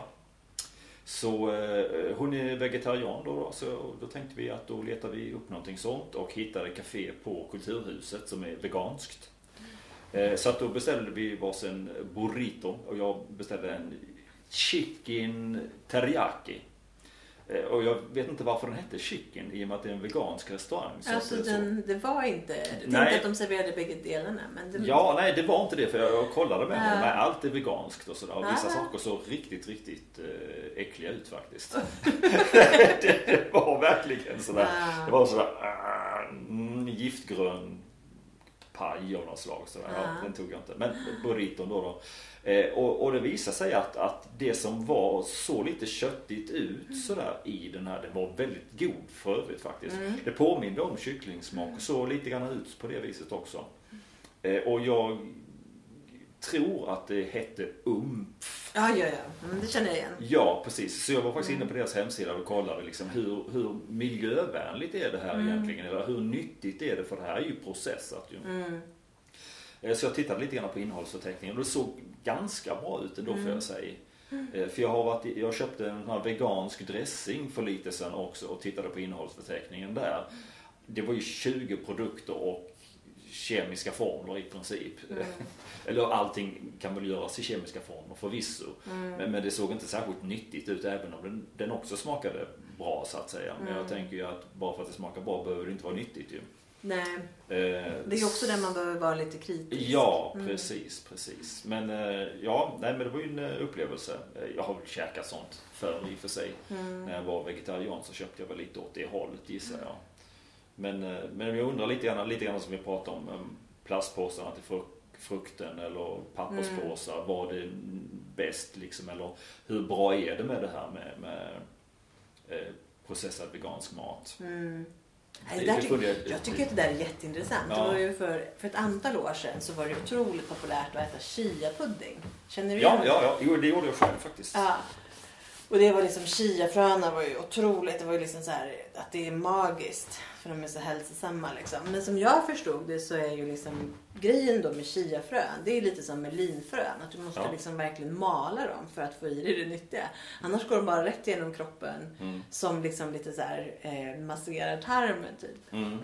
Eh, och det behöver inte i sig vara dåligt men du kommer inte få i dig liksom några av de här näringsämnena för att du kommer inte penetrera det lilla Nej, fröet, precis. Liksom, utan Nej. det går typ rakt igenom. Mm. Och där tänker jag mig att de flesta äter inte chia-pudding där man sitter och verkligen Nej. utan man, man sväljer det. Eh, Ja, nej men chiafröna, det var väl mer att, att det blev eh, Ja, geléaktigt. precis, de sväller. Ja, Ja. precis. Men, då, men, men det är ju, men, och, och så här, jag har inget, inga, inga issues, jag har faktiskt aldrig ätit det, men jag har inga issues. Men däremot så får man ju inte i sig det nyttiga. Nej, okej. Så det är det jag är inne, lite inne på. Att, att man, man kan inte bara säga att det här är supernyttigt och sen så visar det sig att fast du får inte i dig någonting. För Nej. att så som du äter det. Jag menar det är ju som att så här, titta här, chiafrön liksom. Mm. Man, man, du, du får inte i dig någonting bara för att du tittar på det. Det, det måste ju verkligen sugas upp av Ja, kroppen. ja. Och det är ju också en sån sak som man har, som man har uppmärksammat lite den senaste tiden med att när det gäller liksom viss vegetarisk mat att, att det är så här, ja. Även om det finns ett högt näringsintag på till exempel med om det är järn eller liksom Mm. eh, protein eller någonting. Så kan det, det är inte säkert att du tar upp det. Nej, precis. Eh, precis. Nej, det har jag också uppmärksammat att det kan vara på det viset. Eh, För jag tänker liksom eh, med de här linfröna, de varnar man ju för om man korsar dem. För att det kan ju finnas blåsyra i dem. Eller det finns Jaha, blåsyra fast ja. väldigt, väldigt lite. Det, ja, det är oerhört lite. Jag tror att den kommer fram när man värmer det tror jag egentligen. Mm. Nej, det är ju Så- spännande. Så, så, ja, precis. Så att, eh, jag tror inte man kan köpa korsade linfrön längre. Är det så? Ja. Ja. Det, det här känner jag inte till alls. Ja, det, här, Ja, det är det, var för några år sedan. Det var ganska många år sedan det här kom. Tror Socialstyrelsen eh, rekommenderar inte det längre. Mhm. Så, så, att, så nu vet vi det. Nu är inte det nyttigt längre. Nej. Så då får vi se vad som är Men jag menar det är precis sådana här saker som man behöver för det första förhålla sig lite skeptiskt till när Mm. man går ut liksom. Att åh det här är så fantastiskt och Mm. hälsosamt. Att Precis. man faktiskt är så här, mm, Mm, som, får jag, får jag, ja, mm, är det så? mm. Är det så? Är det så? Ska det vara så? ska det vara så? Ja. Sverker Olofsson. Ja. Ja. Ja. Nej men för att annars, det jag tänker framförallt med de här chiafröna det är ju liksom att de var väl ganska dyra. Ja, jag har lite hemma. Jag har lite krossade linfrön kvar faktiskt. Har du det? Ja, faktiskt det. Ja. Jag har egentligen väldigt mycket nyttigheter men, men eh, jag äter inte dem. Eller har inte gjort hittills. Ja, ja. Eh, Men det blir av. Det blir av Jag måste ju erkänna att den här senaste veckan har jag ju varit väldigt sugen på havregrynsgröt. Så igår gjorde jag en ordentlig så här på eftermiddagen för jag blev så himla hungrig. Och tänkte jag, någonting som mättar, havregrynsgröt. Ja, ja just det. Jag är Så inte jag fick en förtjust annan i gröt, inspiration. grötor och sådär. Det, Nej. det är jag inte men, men eh, ja, det låter ju bra. Ja, och det här är ju lite då efter, efter hela, eh, hela debatten efter Lena Anderssons eh, Ja, just det med... arti- liksom, det, artikel just det. när hon, när hon tog upp. Eh, och, det, och, och vissa debattörer har då blivit förolämpade för att man, man behöver äta havregrynsgröt. Mm, mm. Eh, vilket, ja, det finns ju många... Det finns mycket man kan säga. Ja, jag vill Mm. inte förstå metaforen gissar jag. Nej, det jag tycker är roligt, jag, läser ju, jag har ju läst väldigt mycket Lena Andersson det senaste och jag tycker ju att det är och där har vi också det här fyrkantiga och bara penetrera ett ämne Mm. och vara ganska skoningslös och inte så... Eh, Känslomässigt. nej, och det tror jag, det är ju inte för att hon inte är det utan för att så här, nu ska vi prata om det här ämnet. Och då måste vi lägga bort känslorna för att liksom Mm. fokusera på Mm. vad är det det här betyder? Vad Mm. är det det säger? Mm. Och där kan man ju också prata om den här som jag var inne på med fantasi och fiktion. Mm. Just det här när man slirar på definitioner. Så Mm. det kan betyda, som ett ord kan betyda vad som helst. Vi har varit inne på en annan gång när man pratar till exempel om rasism. Mm. Alltså förr så betydde ju rasist att man behandlade någon sämre för att de hade en annan hudfärg Mm. eller etnicitet. Men, men nu så, så finns det ju många gånger en annan betydelse med att det finns, det finns en strukturell liksom, maktordning där vita liksom har en viss hierarkisk eh, plats högst upp och, Mm. och sen har man de fallande beroende på och längst ner är ju eh, söder om Sahara. Liksom. Någonting som är, Mm. själv, som, som är ganska invecklat och som på många håll kanske lite främmande också. Mm. När den, den, den, den då betydelse som man var van vid kändes ganska tillräcklig. Mm. Mm. Eh, men det gör ju också att om man glider på definitionerna så vet man ju inte vad man pratar om. Nej. Nej, det- måste man ha klart för sig. Ja. Vad det är för någonting. Och så blir det väl mycket i debatter. Mm. Ja, det, Också kanske att de vill missförstå varandra. Ja, men det kan jag ju faktiskt tycka att modera, eh, moderatörerna har ett stort ansvar. Absolut. Ja. Oh ja. Ja, Eh, verkligen. Och faktiskt backa lite på det. Vad, vad är det du menar när du säger det här? Mm. Eh, och sen också säga, men vad är, det, vad, vi, vad är det vi ska göra åt det då? Vad är, dina åt, alltså, vad är det du föreslår? Mm. Att man är, vad, så här, vad är det som är, vad, vad är det som är problemet som Mm. du vill beskriva? Och vad är det du tycker att vi ska göra för att lösa det? Eh, för det, det, var, det var ju väldigt mycket det. Som och Lena återkomma till den frågan också. Mm. Så de inte bara pratar bort det som de brukar göra utan att man faktiskt får Ja. ett rätt svar.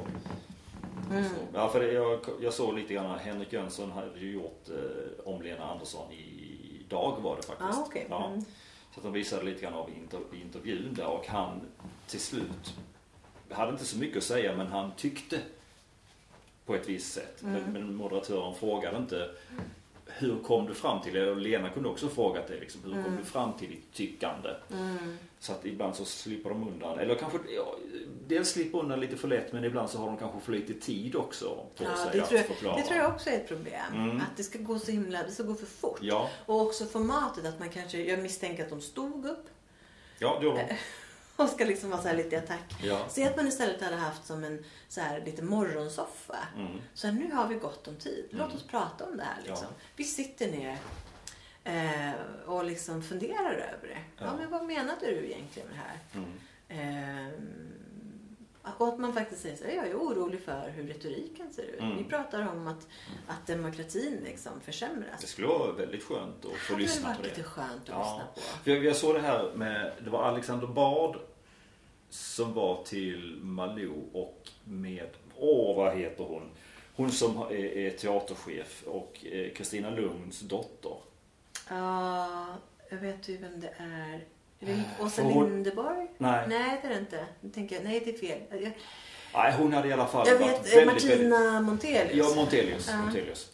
Hon hade varit oerhört kritisk mot eh, Alexander Bard och kritiserat honom stenhårt. Och då Mm. tyckte Malou att, ja men kan vi inte ses här? Och Alexander hade väl också tyckt det då. Mm. Så de satt och hade ett samtal och sådär Mm. och det mynnade ut till något väldigt, väldigt positivt. Liksom. Ja. Att de, de tyckte lite olika, vilket inte gjorde någonting överhuvudtaget. Men, men just att de, det var liksom inget agg som jag tyckte att det var från första början. Och så. Ja. Så det var det, det är nog ett bra tips att liksom lugna ner nivån lite grann och Mm. sitta i en tv-soffa helt enkelt. Ha Ja. tid på sig. Ha tid på sig. Ja. Men ska jag fortsätta lite grann med... Fortsätt lite grann. Jag, har Mm. då, eh, jag tittar ju då ofta på Sveriges Radios hemsida och läser nyheterna där och där kan man då trycka på en liten knapp så att annonsen, äh, nyheterna sparas och sådär. Mhm, mm. Eh, Och nu tittar jag lite bakåt i tiden och det visar sig att det vi pratade om tidigare där med kläder från EU dumpas på soptippar i Afrika Mm. hade jag laddat ner där men hade glömt den helt Mm. enkelt. Så. Vindkraftverk brann. Vingarna ramlade ner, såg ut som ett stearinljus. Oj. Och det är Det är väl så... väldigt visuellt. Ja, verkligen. Eh, Och det, är, det var ett citat av någon, för det var ett citattecken på det. Mm. Ehm, Jag kan ju ta och klicka på den och se om jag... Det är ju väldigt sparsmakad information får man Mm. få. Ett vindkraftverk nordväst om Ystad brann ner under torsdagsmorgonen. Vingar ramlade av och ligger som förkolnade rester på åkermarken. Mm. Eh, Hur markägaren berättar mer i inslag, det, det gör vi inte. Men, men eh, det var så de uttryckte sig där i alla fall. Ja, för där har du Och lite vad som problem. kan hända. Och just Ja. också, f- om jag kommer ihåg rätt så finns det batterier i vindkraftverken också.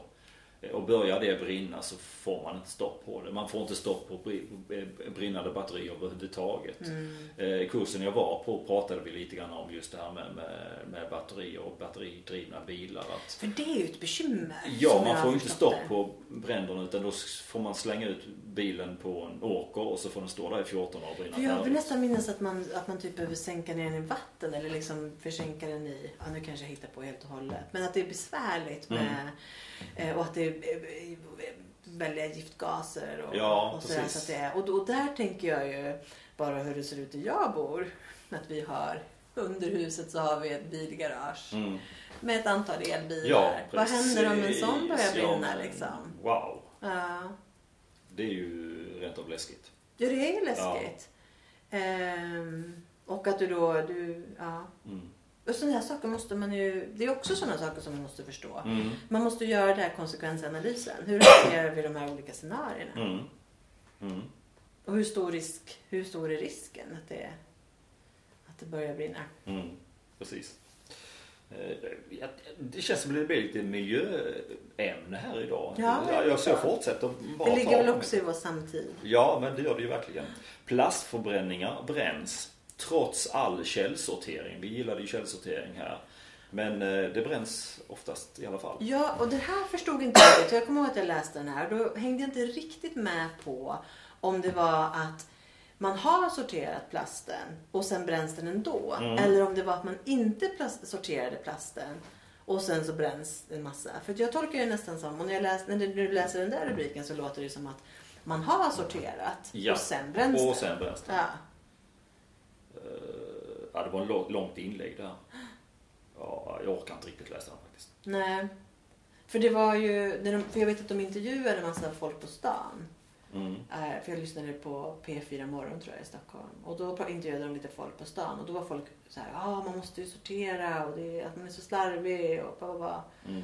Ehm, Men det är ju en annan sak om man då har sorterat och eh, det sen plockas ut då.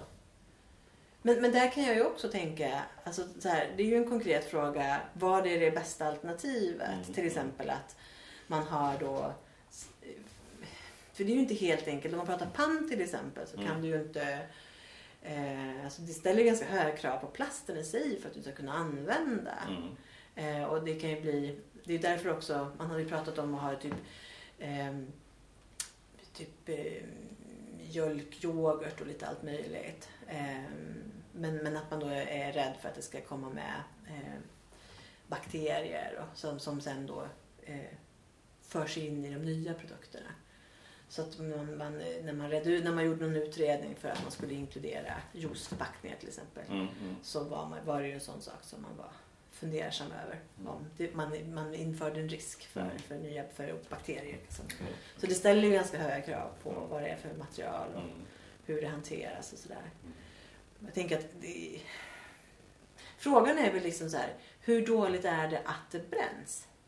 Nej, Och Nej, sen- det var väl ja. nästa fråga. Men, men å andra sidan så då behöver man egentligen inte sortera ut det heller ju. Nej, det om det man bränns. Liksom. Om det bränns. liksom så, så att, eh, ja, då slipper man det extra jobbet. Ja. Mycket tycker jag när man pratar om plastförpackningar. För, för grejen med plast, det är ju att det är en fuktspärr. Ja. Vilket ju gör att det är därför man använder det till, till fuktig mat. Mm. Såklart. Eh, och du, använder, du kan inte, det är som en pappa, bara en ren pappkartong kan du inte använda. Nej. Liksom, Nej. utan för det blir fukt. Men har du en, en torrt mjöl liksom, eller någonting som inte innehåller vatten så kan du använda papp. Mm. Eh, men annars måste du ha någonting som är en fuktspärr. Mm. Och det gör ju att alla plastförpackningar är väldigt kladdiga. Mm. Så det, det, det är väl liksom där någonstans som jag kan tycka att det är. Och du kanske heller inte, om du inte tar ut liksom plast eller som förpackningarna varje dag så är det ju inte jätteroligt heller att lägga kladdiga förpackningar som bara får ligga liksom och gro till sig. Liksom. Nej, jag sköljer väl ur en del. Ja, och då är frågan hur miljövänligt är det då? Ja, det är miljövänligt. jag vet inte. Ja, Nej, men, men- bara, men, ta- fraîche-burken. Ja, ja, nej, jag säger inte att jag inte heller gör det. skölja, skölja ur det. Men om man ställer di- Alltså, det här är Nej, inte någonting... just diska gör jag Nej, inte. men det är det ju många som gör. Ja, jag vet faktiskt att det är så. Jag lyssnade på, det var också från någon återvinningsstation där, där de hade några så här myter och sånt som de slog hål på. Där de Mm. sa just att vi har, vi har gjort ett misstag när vi har sagt att när vi säger att man ska lämna rena Mm. eh, kartonger eller rena förpackningar. Mm. Då menar inte vi att de måste vara diskade utan att de ska, det ska vara separerade. Ja, ja, ja. Så att det gör inget- där kanske man får vänta Ja, man har liksom, man har en, man valde fel ord liksom. Mm. Eh, så för att, att man då ställer sig och diskar Mm. förpackningarna, då är ju det ett slöseri i sig. Ja, ja, det går åt mycket vatten som tar energi. Och, Ja, och också mm, liksom diskmedel och man Jo, som, ja, ja, precis.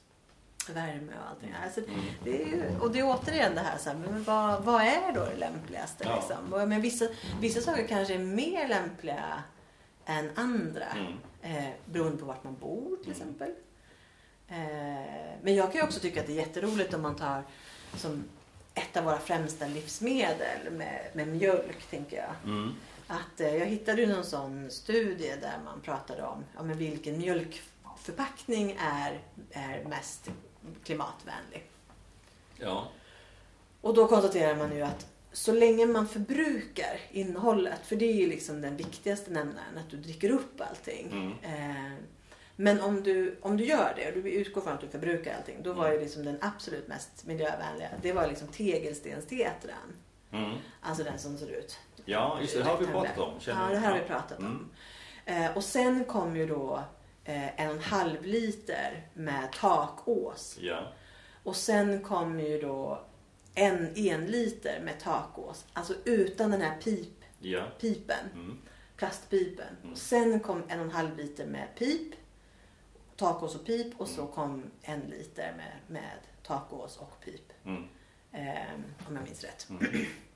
Men det jag tycker är lite roligt det är ju att eh, jag kan ju inte ens välja de första alternativen för de finns inte i butik. Utan i butik så finns en och en halv liter Mm. med pip Mm. och en liter med pip. Kanske. Men de brukar finnas båda två. Ja. Eh, ibland finns det inte en och en halv liter. utan då, då, och då har man bara det sämsta alternativet. Ja. Medan jag hade ju inte haft någonting emot att köpa teg, tegelstentetran. För det hade Nej. ju vi när jag var barn. Tyckte Ja, det funkade ja. alldeles utmärkt. Men det finns inte längre. Mm. Och där kan vi prata om klimatpolitik. Mm. Att man faktiskt inte har de mest klimatvänliga förpackningarna. Mm. Vad är logiken i det Mm. liksom? Utan där är det tvärtom att man har fasat ut dem. Mm. För för några år sedan så kunde man ju minst köpa liksom yoghurt och fil i dem. Mm. Och det, är det, som är, det, det blir som dubbelt dåligt. Dels att förpackningen i sig är mindre stapelbar och det liksom går åt mer. Mm. Men det är ju också att den är, alla andra förpackningar är ju svårare att tömma. Mm. Så tegelstenstetran var ju den som var lättast att Ja. verkligen klämma ur rubbet. Ja, det är ju en bra poäng. Ja, och där tänker jag mig liksom just när man pratar om politik. Mm. Jag som konsument kan inte ens göra det valet. Nej. För det har Nej, valts för det finns inte där. Nej, det finns inte. Jag kommer ihåg när jag var liten. Just det här med mjölkförpackningar. Då hade vi en liters förpackningar. Och det roliga med den förpackningen, med takås. Med, ja, precis, alltså man snäpper bak. Ja, precis. Eh, Och då var det sån här tryckt runt om själva eh, förpackningen. Och det föreställde då en, en eh, skånsk länga, eller skånsk eh, sån här kors, korsvirkeshus. Mm. Så man kunde liksom klippa, klippa sönder den och så fick man då takåsar där på. Så, så Jaha. såg det ut som ett litet hus där. Ja. Så det var lite, lite kul. Mm. Mm. Nej, men det tycker jag är, är, är lite roligt. Hade du något mer på din lista? Eh, nej, det har jag faktiskt inte. Mm. Eh, det fanns väl mer att ta men jag, det kändes lagom där tänkte jag. Eh, För jag tänkte eh, någonting som jag har funderat en hel del över. Mm. Jag har ju precis avslutat min portugisiska kurs. Jaha, okej. Mm. Mm. Det har varit jätteroligt. Mm. Men det här... Får vi höra någonting på portugisiska här eller? Precis. Mm. Now. Och det betyder? Nej. Nej, okej. Eh, Men det, det, det här är ju roligt. För att här har jag ju då, det här är någonting som jag har funderat mycket på över. Hur lär man sig språk Mm. på ett så pedagogiskt sätt som möjligt? Ja. Jag har funderat jättemycket på det. Mm. För att jag har upplevt mycket under eh, våran kurs. Mm. För jag, vi har fått mycket såna här uppgifter där vi ska sätta oss två och två eller tre och tre Mm. och eh, prata. Mm. Och det tycker jag är jättesvårt. Mm. Alltså det, hela kroppen bara låser sig. Det är, det är så oerhört plågsamt. Och jag funderar på om det ens är effektivt. Mm. För jag tänker, och så har jag funderat på, men hur lär man sig språk? Och min, min sambos yngsta son frågade mig förra veckan. Mm. Så kan du portugisiska nu? Mm. Jag bara, nej. och så, så frågade han, hur lång tid tar det att lära sig ett språk? Och då sa jag till honom, hur lång tid tog det för dig Mm. att lära dig att prata svenska? Liksom? och då tyckte han ju att när han var tre så pratade han ganska bra. Och då var jag lite brysk och sa att så bra var du inte. när du var tre. Och jag sa, om man ska vara noga så är du inte jättebra nu heller. Vissa lite lätthet. Men jag Ja. tycker att man ska kunna vara ganska brysk. Mm. Utan att vara elak liksom. Men att faktiskt säga att du, du, du hittar inte alltid rätt ord. Det kan vara ganska svårt för liksom så här Mm. Ja, men- prepositioner. Ja, där har vi ju definitionen av ordet kan språk. Ah. Vad är definitionen? Ja, ja absolut. Jag känner en, han, kan, han säger att han kan 17 språk och kan kanske ett par ord på persika och persiska. Och ett par ord på engelska och några på tyska. Då tycker Ja. han att han kan, för det är hans definition utav det. Ja, ja. Så definitionen är väl eh, A O där i det sammanhanget. Men jag tänker då som ett barn. När ett Mm. barn lär sig språk. Och då är det ju också att de har öppet språkfönster. Men jag Mm. tänker att när ett barn lär sig ett språk. Mm. Då hör man språket. Man lär sig substantiv. Man lär sig verb. Ja, man marineras ju i språket. Alltså. Ja. Sen kommer talet. Mm. Ja, Och- det kanske det är. Och då säger man titta. Mm. Boll. Mm. Mm, ledsen typ eller Mm. mamma. Alltså du börjar ju inte med att du ska sitta och prata i fullständiga meningar där du ska böja verben korrekt i Mm. tredje person plural. Liksom. Mm. Mm. Det är ju väldigt, väldigt onaturligt. Mm. Sen, sen, sen kan jag ju tycka liksom att, klart att man, man kan ju inte låta bli liksom. Men, men, jag, jag är, men jag funderar verkligen på så här, hur, hur gör man för att lära sig språket? Mm. På, hur, hur kan man utveckla pedagogiken liksom? Högsta tröskeln för mig det är ju just eh, att prata om det. Mm. Det finns lite olika metoder. Det finns ju en som heter Thomas, Michel Thomas Method. Eh, och det var någon, någon eh, snubbe, han hade överlevt förintelsen och åkte över till USA och sen så var han väl språkbegåvad Mm. och lärde sig språk och han utnytt, eh, utformade en metod för det. Eh, och den metoden handlade bara om att härma och härma och härma. Så att det var inget skrivande. Mm. Precis, det är ljud nästan då. Ja, precis. Och det handlade inte om att skriva ner någonting. Det handlade inte om att göra några läxor. Och det Mm. handlade om att skapa en trygg miljö. Man sågs ju Mm. Jag har sett någon bild på det där de sitter i fåtöljer och de som ska lära sig och läraren sitter mitt emot. Och det är- är läraren som skapar förutsättningarna för ett bra lärande. Om de inte lär sig så har Mm. läraren inte lyckats med sin uppgift. Och då handlar det om att härma. Och jag har tidigare så köpte jag CD med spanskan just med, med Michel Thomas Mhm. method. Eh, och, och då var det så att det inleds med, med liksom att det är då en eller två elever som, som man sitter med och de får då upprepa vad han säger för någonting och de får en fråga och kan ge svar på det. Problemet med just spanskan där var att den ena eleven stammade. Så det blev fullständigt olidligt att lyssna på det här. Ja, ja, ja. Men nu var detta på spanskan och så, så att jag gissar att ett elever på andra språk som portugisiskan till exempel. Det här måste jag kolla på. Ja, Michel Thomas. Thomas ja, precis. Eh, Så jag skulle gissa att det, den är lite bättre där och så. Eh, Detta finns på nätet att eh, köpa då, vet jag numera då. Och jag har väl haft lite funderingar på om jag skulle köpa spanskan igen. I alla fall trots det. Mm. Nu kan jag lite mer så att jag skulle kunna eventuellt hoppa över just den delen med den här stammande killen. Men det var fruktansvärt jobbigt Ja men att lyssna sånt på. är ju liksom, det är ju väldigt Det- konkret. Ja, det är det. Ja. det, är det.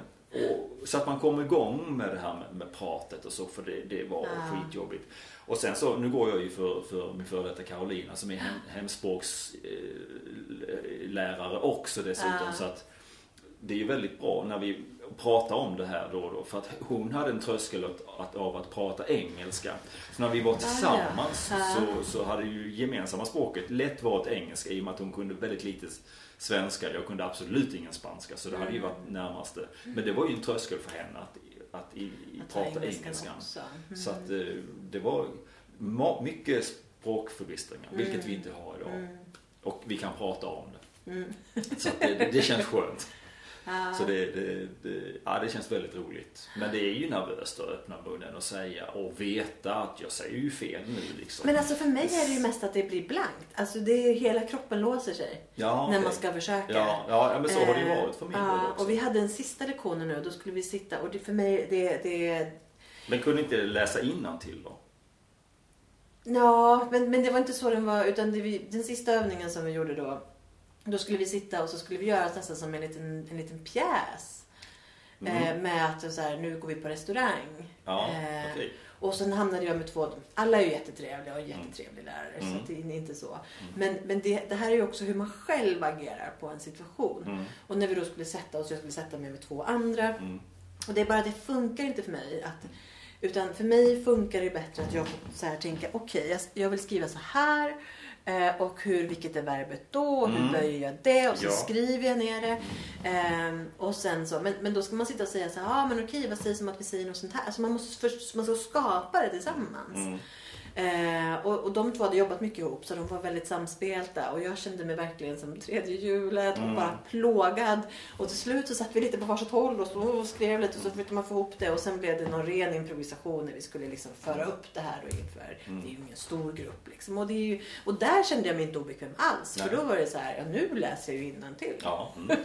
Men det var så här, ta fram det. Det jag kände också att det här hade jag kunnat, om jag hade suttit själv och skrivit en dialog så hade det blivit bra. Mm. Eh, för då hade jag liksom kunnat sagt att ah, men jag, jag går in här, jag väljer den här frasen, jag skriver så, man ska Mm. böja så. Mm. Och sen tänker jag att man hade kunnat satt sig två stycken. Mm. Och så kunde vi ha, lä- jag kunde ha vi kunde ha läst dialogerna tillsammans och sen rättat dem tillsammans. Mm. Ja men hur var det här? Och så. Och sen hade man kunnat valt liksom, Mm. eller satt ihop dem. Ja. Och så framfört dem liksom. Och Jag sen har precis börjat skriva dialoger på spanska. Ah. Det är väldigt, alltså väldigt korta stycken som är det väldigt är roligt. Ja, jag det är tror- som att hålla på med, med korsord eller sådär. Det är lite, lite pyssel sådär. Ja men det är det jag tänker också. Att man liksom, eh, att, när, att och lite det här med lärandet då. Att jag tänker mig att lyssna, lära sig Ja. substantiv. Ja. Alltså man måste lära sig vad grejerna heter. Mm. Eh, och sen lära sig liksom verben i Mm. grundform eller någon form av infinitiv, ja, som grundform eller imperativ eller Mm. Men mm. att man, man, kan, man kan känna igen det. Mm. Och sen som marineras, lyssna. Mm. Där man säger, eh, alltså så här, man kanske inte fattar liksom, men man, oh, jag plockar ut, plockar ut ord. Mm. Så att man liksom kan börja, vad pratar de om? Ja, någonting om det här liksom. Att Mm. man, men man, bara, man får liksom bara skölja sig över. Och man behöver inte förstå. Mm. Gärna någonting som är lite långsammare såklart. Ja. Eh, jag har ju tänkt att jag ska försöka hitta, jag skulle vilja hitta podcasts Mm. på portugisiska på Mm. Spotify. För då kan man sänka tempot. Just det, vilken idé. Mm. Det var en idé till mig ju Ja, också. ja. Och Det jag har jag menar, inte tänkt på. nej men och gärna liksom, jag menar, på svenska finns det ju poddar om precis allt. Ja. Eh, Det skulle ju vara utmärkt att hitta någonting för, som liknande för oss. Ja. Eller bara någon som har en så här, en trädgårdspodd. Mm. Där de liksom bara pratar om rosor och potatis. Mm. så, lite så sänker man tempot och så får Ja. man så här, ah, okej. Eller det mat var ju eller någonting. superbra idé. Jag tänker att det skulle vara jättebra. Ja, men som du säger med olika ämnen. Olika ämnen som man liksom vet. Det kanske är någonting som är samhetsaktuellt Ja. eller liksom någonting. Men så sänker man tempot och sänker man den till det absolut långsammaste då jädrar går det långsamt. Ja, det är svårt av den anledningen. Vad sa du? Ja, då blir det kanske svårt av den anledningen. Ja, kanske. Eller mest att det känns lite långsamt. Men jag tror att om det är ett främmande språk så tror jag att det inte upplevs Mm, som mm. så trögt. som Det ska jag ta och eh, checka läget på. Jag så att man måste hitta dem där. Mm. Eh, För det, det måste ju finnas. Det måste Ja. ju göra det. Absolut. Eh, Absolut. Så det. Och sen så får man liksom bara lyssna.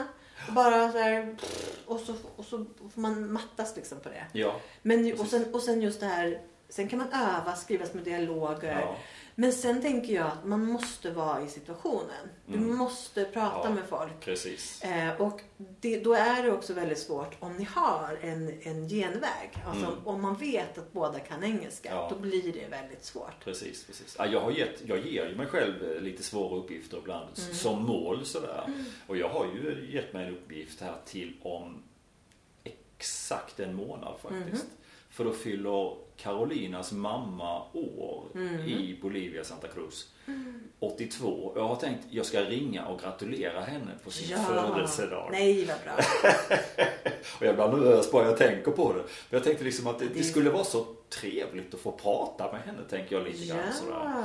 Eh, Ja, ja, så så får det liksom gå lite grann som det går. Jag och Karolina, Ja, men- vi har redan tränat lite grann på en Ja. sån, den typen av dialog. Och så. Men där tänker jag ju också att det är utmärkt. Då kan man, en sån grej kan man ju förbereda för. Ja, och där finns ingen utväg. Hon kan bara spanska. Ja, Det- ja men precis. Det är ju precis det här man behöver. Och, sen kanske, och då kanske du ändå har liksom en liten stödlapp. Jag kommer att ha en stödlapp, Ja, definitivt. med några sådana här frågor. Ja. Och sen så får man liksom... Men sen annars tänker jag ju att om... När, för jag planerat ju att åka till Lissabon i sommar. Mm. Och Lissabon är lite lurigt för att där kan ju alla engelska. Så allra helst ska man väl kanske göra någon tur någonstans. Lite, mm, någon annanstans där det inte är så mycket med någon by liksom. Men och, och, och verkligen... eh, Men man går in i en, i en fiskaffär eller en ostbutik. Mm. Eller fisk tror jag inte jag kommer köpa. Så det var ett dåligt exempel. Men gå in i en ostaffär eller någonting. Charkuteri eller någonting. Och så får man liksom så peka och Mm. eh, säga liksom att eh, vad man nu vill ha. Beställa liksom. Mm. Mm. Ja, det låter spännande det också. Ja, men, men just det här med pedagogiken. För jag tänker mig att det här är ju väsentligt. Inte Mm. minst för alla som flyttar. Mm. Inte till om man tänker med SFI liksom. Ja, precis, Hur, hur, precis. hur gör man för att ta upp språket? Mm. För jag berättade tror jag för dig sist att jag hade satt upp små post-it-lappar. Ja. Med eh, så här. Men du har väl sett det i, jag har ju också gjort det Nej, det har jag inte tänkt kök. på. Det måste jag Ja, kolla. ja. Ja, och det roliga är ju liksom att jag satte upp de där lapparna. Mm. Sen blev de lite kladdiga och sådär. Så tyckte jag att nu kan jag dem så nu rensar jag ner dem. ja, men absolut. Mm. Ja, men jag tänker att jag ska ta upp dem igen. Liksom. Mm. Men det roliga är att de orden sitter jättebra. Mm. Så det har verkligen varit supereffektivt. Mm. Att sätta. Och där har du, kan du sätta på allt. Dörr, TV, Precis. eh, ost, Precis. eh, bröd. Mm. Eh, kan sätta en, en post-it-lapp på barnen. Liksom. Ja. Poj- Pojke. Bror. Vad, he- vad heter pojke på Eh, menino. menyn? Det finns, fler, det finns ju Ah. flera ord. Men det är menino och menina. Okej, okej. Ja. Chico Ja, chica på Ja. spanska. Och sen har du Ninja, krin, krin, krinsa. Då är det typ barn. Tror jag. Mm. Ja, ninja och ninja är Mm. bra. Det, är ju, Ja. det är ju roligt för det är ju mycket som är... Alltså när jag, när jag, när jag lär mig eller liksom övar så blir det ju också att man så här, ja men om man är late eh, är ju då eh, Ja. mjölk. Ja, Eh, men lä på franska och latte på italienska. Så det är ju och mycket- leche på spanska. Ja men precis. Mm. Ja precis, dulce di leche. Ja, det är klart. precis. Ja. Så det är ju, det är, de, de är ju så otroligt nära. Ja. Eh, och där tänker jag ju också att om man faktiskt är på plats så kan man också... För nu när jag har varit på lektionerna då har ju italienskan snarare varit i vägen än att ha hjälpt. Okej. Men i, i verkligheten så tror jag att det kommer att vara tvärtom. Mm. För att om jag, pratar, jag misstänker att om jag säger saker på italienska så kommer de förstå ganska bra vad jag menar. Ja. Mm. Och, mm, Eh, Ett annat sätt också att inte ge sig några andra möjligheter och sådär, det är ju faktiskt att be att inte prata engelska. ja men För den jag- tänker jag är svår. Ja, men visst. Mm. Men eh, det kan funka. Ja, om man nu är där över en längre tid. För jag vet, jag har en kollega på Operan som kommer från England. Eh, Och han sa det, bland det första han sa när han kom till Sverige, det var Mm. att prata inte engelska med mig för att jag vill lära mig svenska. Eh, För det var ju liksom att tvinga sig Ja, själv till ja. att lära sig. För att vi, vi pratar ju väldigt gärna engelska här i Sverige och så. Japp. I alla fall till en början. Mm. Eh, Och så. Men han lärde sig svenska på, på fyra månader. Ja, Han var grym. Han var verkligen grym på det. Ja, men det är det som jag tror är grejen, att man måste liksom. Och vi pratade ju lite om det här förra avsnittet med just den här andra generationen och att vad, vad man kan förvänta sig av sina föräldrar. Mm. Alltså, som, alltså just att när man nästan blir förälder åt sin förälder. För Mm. föräldrarna Ja, kan inte. Och vi hade någon sån, så här, varför ska föräldrarna gå på, på föräldrar, liksom så här, på klassamtal och föräldrasamtal om de ändå inte förstår svenska. Mm. Och då är det ju så här. att de ska ju, de ska ju, det är klart att de ska göra det. Eh, för det första så är det ett utmärkt tillfälle att träna för. Mm. Eh, skriv ner fraser, precis som du säger. Mm. Skriv ner de här fraserna.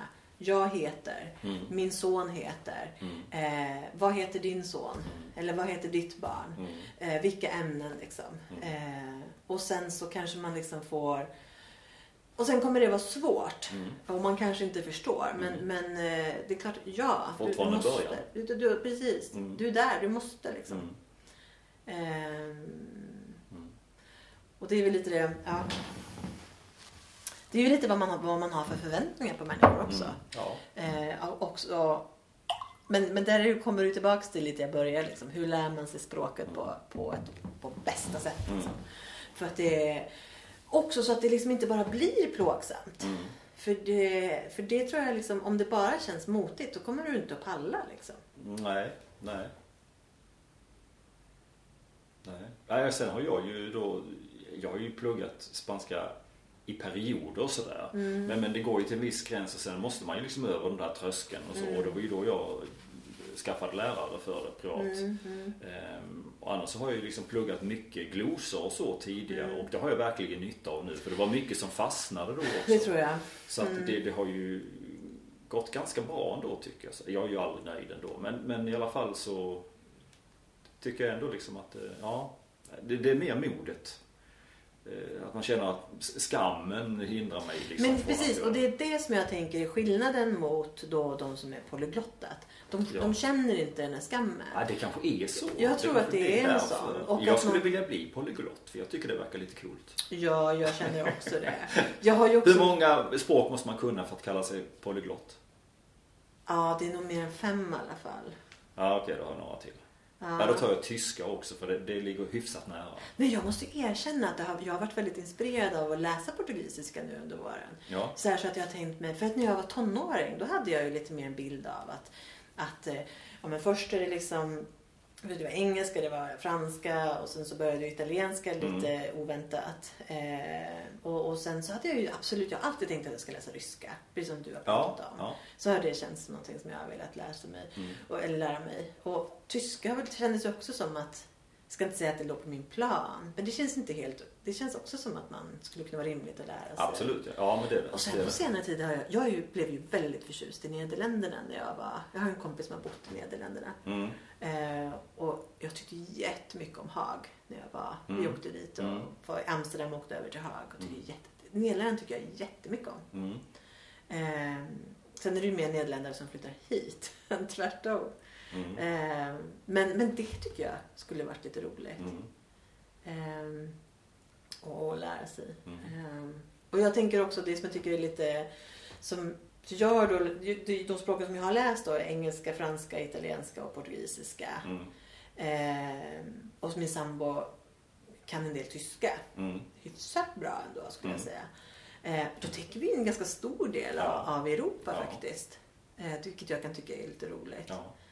Ehm, sen är det väl lite mer som om man börjar prata om typ japanska, Mm. kinesiska. Eh, ja. Mm. ja, jag håller mig nog till min tänkta plan där. Spanska och sen så ryska. Jo, nu kom jag på en annan metod. Mm. 12 veckors metoden. Mm. Eh, För det finns i alla fall... Vad roligt att prata om det här. Ja, men precis, Jag, för det här jag sitter och skriver ihåg. upp de här. Eh, jag vet inte vad det finns på andra språk. Jag, jag, jag erbjöd ju kurser tidigare i kommunikation och sådär. Mm. Då var jag på ABF-huset inne i stan på Sveavägen. Eh, och då var det en kvinna där som var ryska och hon hade en 12 veckors metod.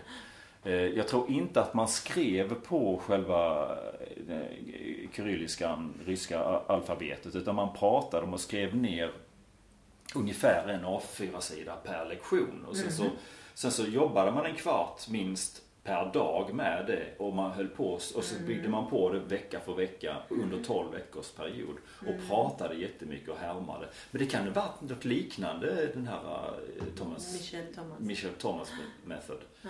faktiskt. För jag har tänkt eh, ta kontakt med henne igen vid tillfälle när jag vill köra det racet. För nu har jag liksom fått välja. Nu har jag ju jättemycket att lära mig på, på mitt jobb. Och då känner jag att då orkar jag inte riktigt med det också. Då, då, Läsa då, flera språk parallellt tycker jag är ganska tufft också. Det tyckte jag nog redan på gymnasiet faktiskt. Ja, okej. Då läste jag ju liksom engelska, franska och italienska parallellt. Ja, det var ju det blir ganska mycket. Och de ligger ju ändå så pass nära så att man har nytta eller som glädje av Mm, dem. mm. Italienskan tänker jag ju. Jag har känt mig lite, inte motvillig, men överraskad av portugisiskan. I början så kände jag ju att det var så här, men varför är det så svårt? Mm. Varför är det så svårt att uttala? Och varför det, det känns inte logiskt? Och varför skriver de på det här sättet? Mm. Det var ganska ifrågasättande. Mm. Men, sen, men det gick över. Mm. eh, Liksom efter två tredjedelar av kursen. Då kände jag plötsligt att, men vänta lite nu. Det de gör är ju faktiskt att när de lägger på det här lilla, den lilla svansen på C. Mm. Så är ju det för att de markerar att nu blir det mjukt. Mm. Så det är ju för att hjälpa. Mm. Och när man lägger på den lilla apostrofen eh, så är det för att markera att du lägger betoningen här. Mm. Så det är ju ett väldigt, ty- det är väldigt tydligt. Mm. Liksom. Så är det ju med spanskan också. Ja, Det det står, det är det man läser. ja, Till, till väldigt stor utsträckning. ja. Så att jag, jag, fick, jag fick backa på den och det Mm. tyckte jag ändå var... Mm. Och att det är så här, ja men det, det, det finns, det jag gjorde första lektionen, vi hade otroligt bra italienska lärare. Mm. Eh, Kjell Kjellman som var, fan, Kjell Källgren Mm. som var otroligt bra. Mm. Eh, alltså det, vi kom för det första väldigt bra överens. Mm. Men han var otroligt bra Mm. italienska lärare. Eh, och det första vi, den allra första lektionen som vi gjorde så fick vi ju lära oss hur man uttalar. Mm. Och sen fick vi bara sitta och högläsa. Mm. Vi fattade ju inte ett ord. Nej. Men vi fick sitta och högläsa. Och det var otroligt tillfredsställande Mm. att komma därifrån och ha en upplevelse av att man kunde prata. Mm. Ehm, och att det ändå lät liksom Ja. ganska bra. Sån upplevelse hade jag faktiskt när det gäller engelskan. Ja. Jag tror det var i femman eller om det var i sexan. Eh, Och vi hade övat där someone, somebody, anybody och, och den biten. Mm. Och när jag gick på rast minns jag att jag tänkte att ja, men, nu kan jag ju engelska. Liksom. Så Mm. jag var så stolt över Ja, det. du hade samma som din kompis då. Som kunde 17 språk. 17. Ja, alltså så här. Om man kan några ord så kan man språk. Ja men du menar så, ja just det, just det. Ja nej men jag också så, ja det minns jag att jag var väldigt stolt över. Ja, ja men, det, och, Häftig men, det, men det, det är det jag tänker att man behöver ha då i språklärningen. Mm. Man behöver ha att man känner att det känns öppet. Mm, mm. Att man är mottaglig liksom. Mm. Och om man, om man skapar sådana här situationer där det känns svårt. Mm. Och det är ju så, det har varit så genomgående i kursen att alla tyckte att det varit så svårt. Mm. okej. Ehm, alltså jag har funderat jättemycket på det. Ja, Men hur, kan man, hur kan man göra? Alltså det, för italienska kändes för mig alltid lätt. Mm. Jag tyckte aldrig att det kändes svårt. Nej. Och då tror jag faktiskt att italienskan är lite lättare. Mm. Att Ja läsa. kanske. Eh, man känner att att den är, det är väldigt flödande. Mm. Liksom. Och det kanske också från svenskan liksom, som, ehm, som är... Mm. Portugisiskan är väldigt snabb alltså. Mm. Ja, det är ju spanskan också. Ja. Så att det blir nog bra det där med att dra ner tempot på poddarna. På poddarna, ja. Jag kommer ihåg en annan gång, det var, var ett par som stod i vägen för mig på, i en skobutik i Kista. Och jag såg på dem att de var från Sydamerika, de var Ja. väldigt korta. Ja.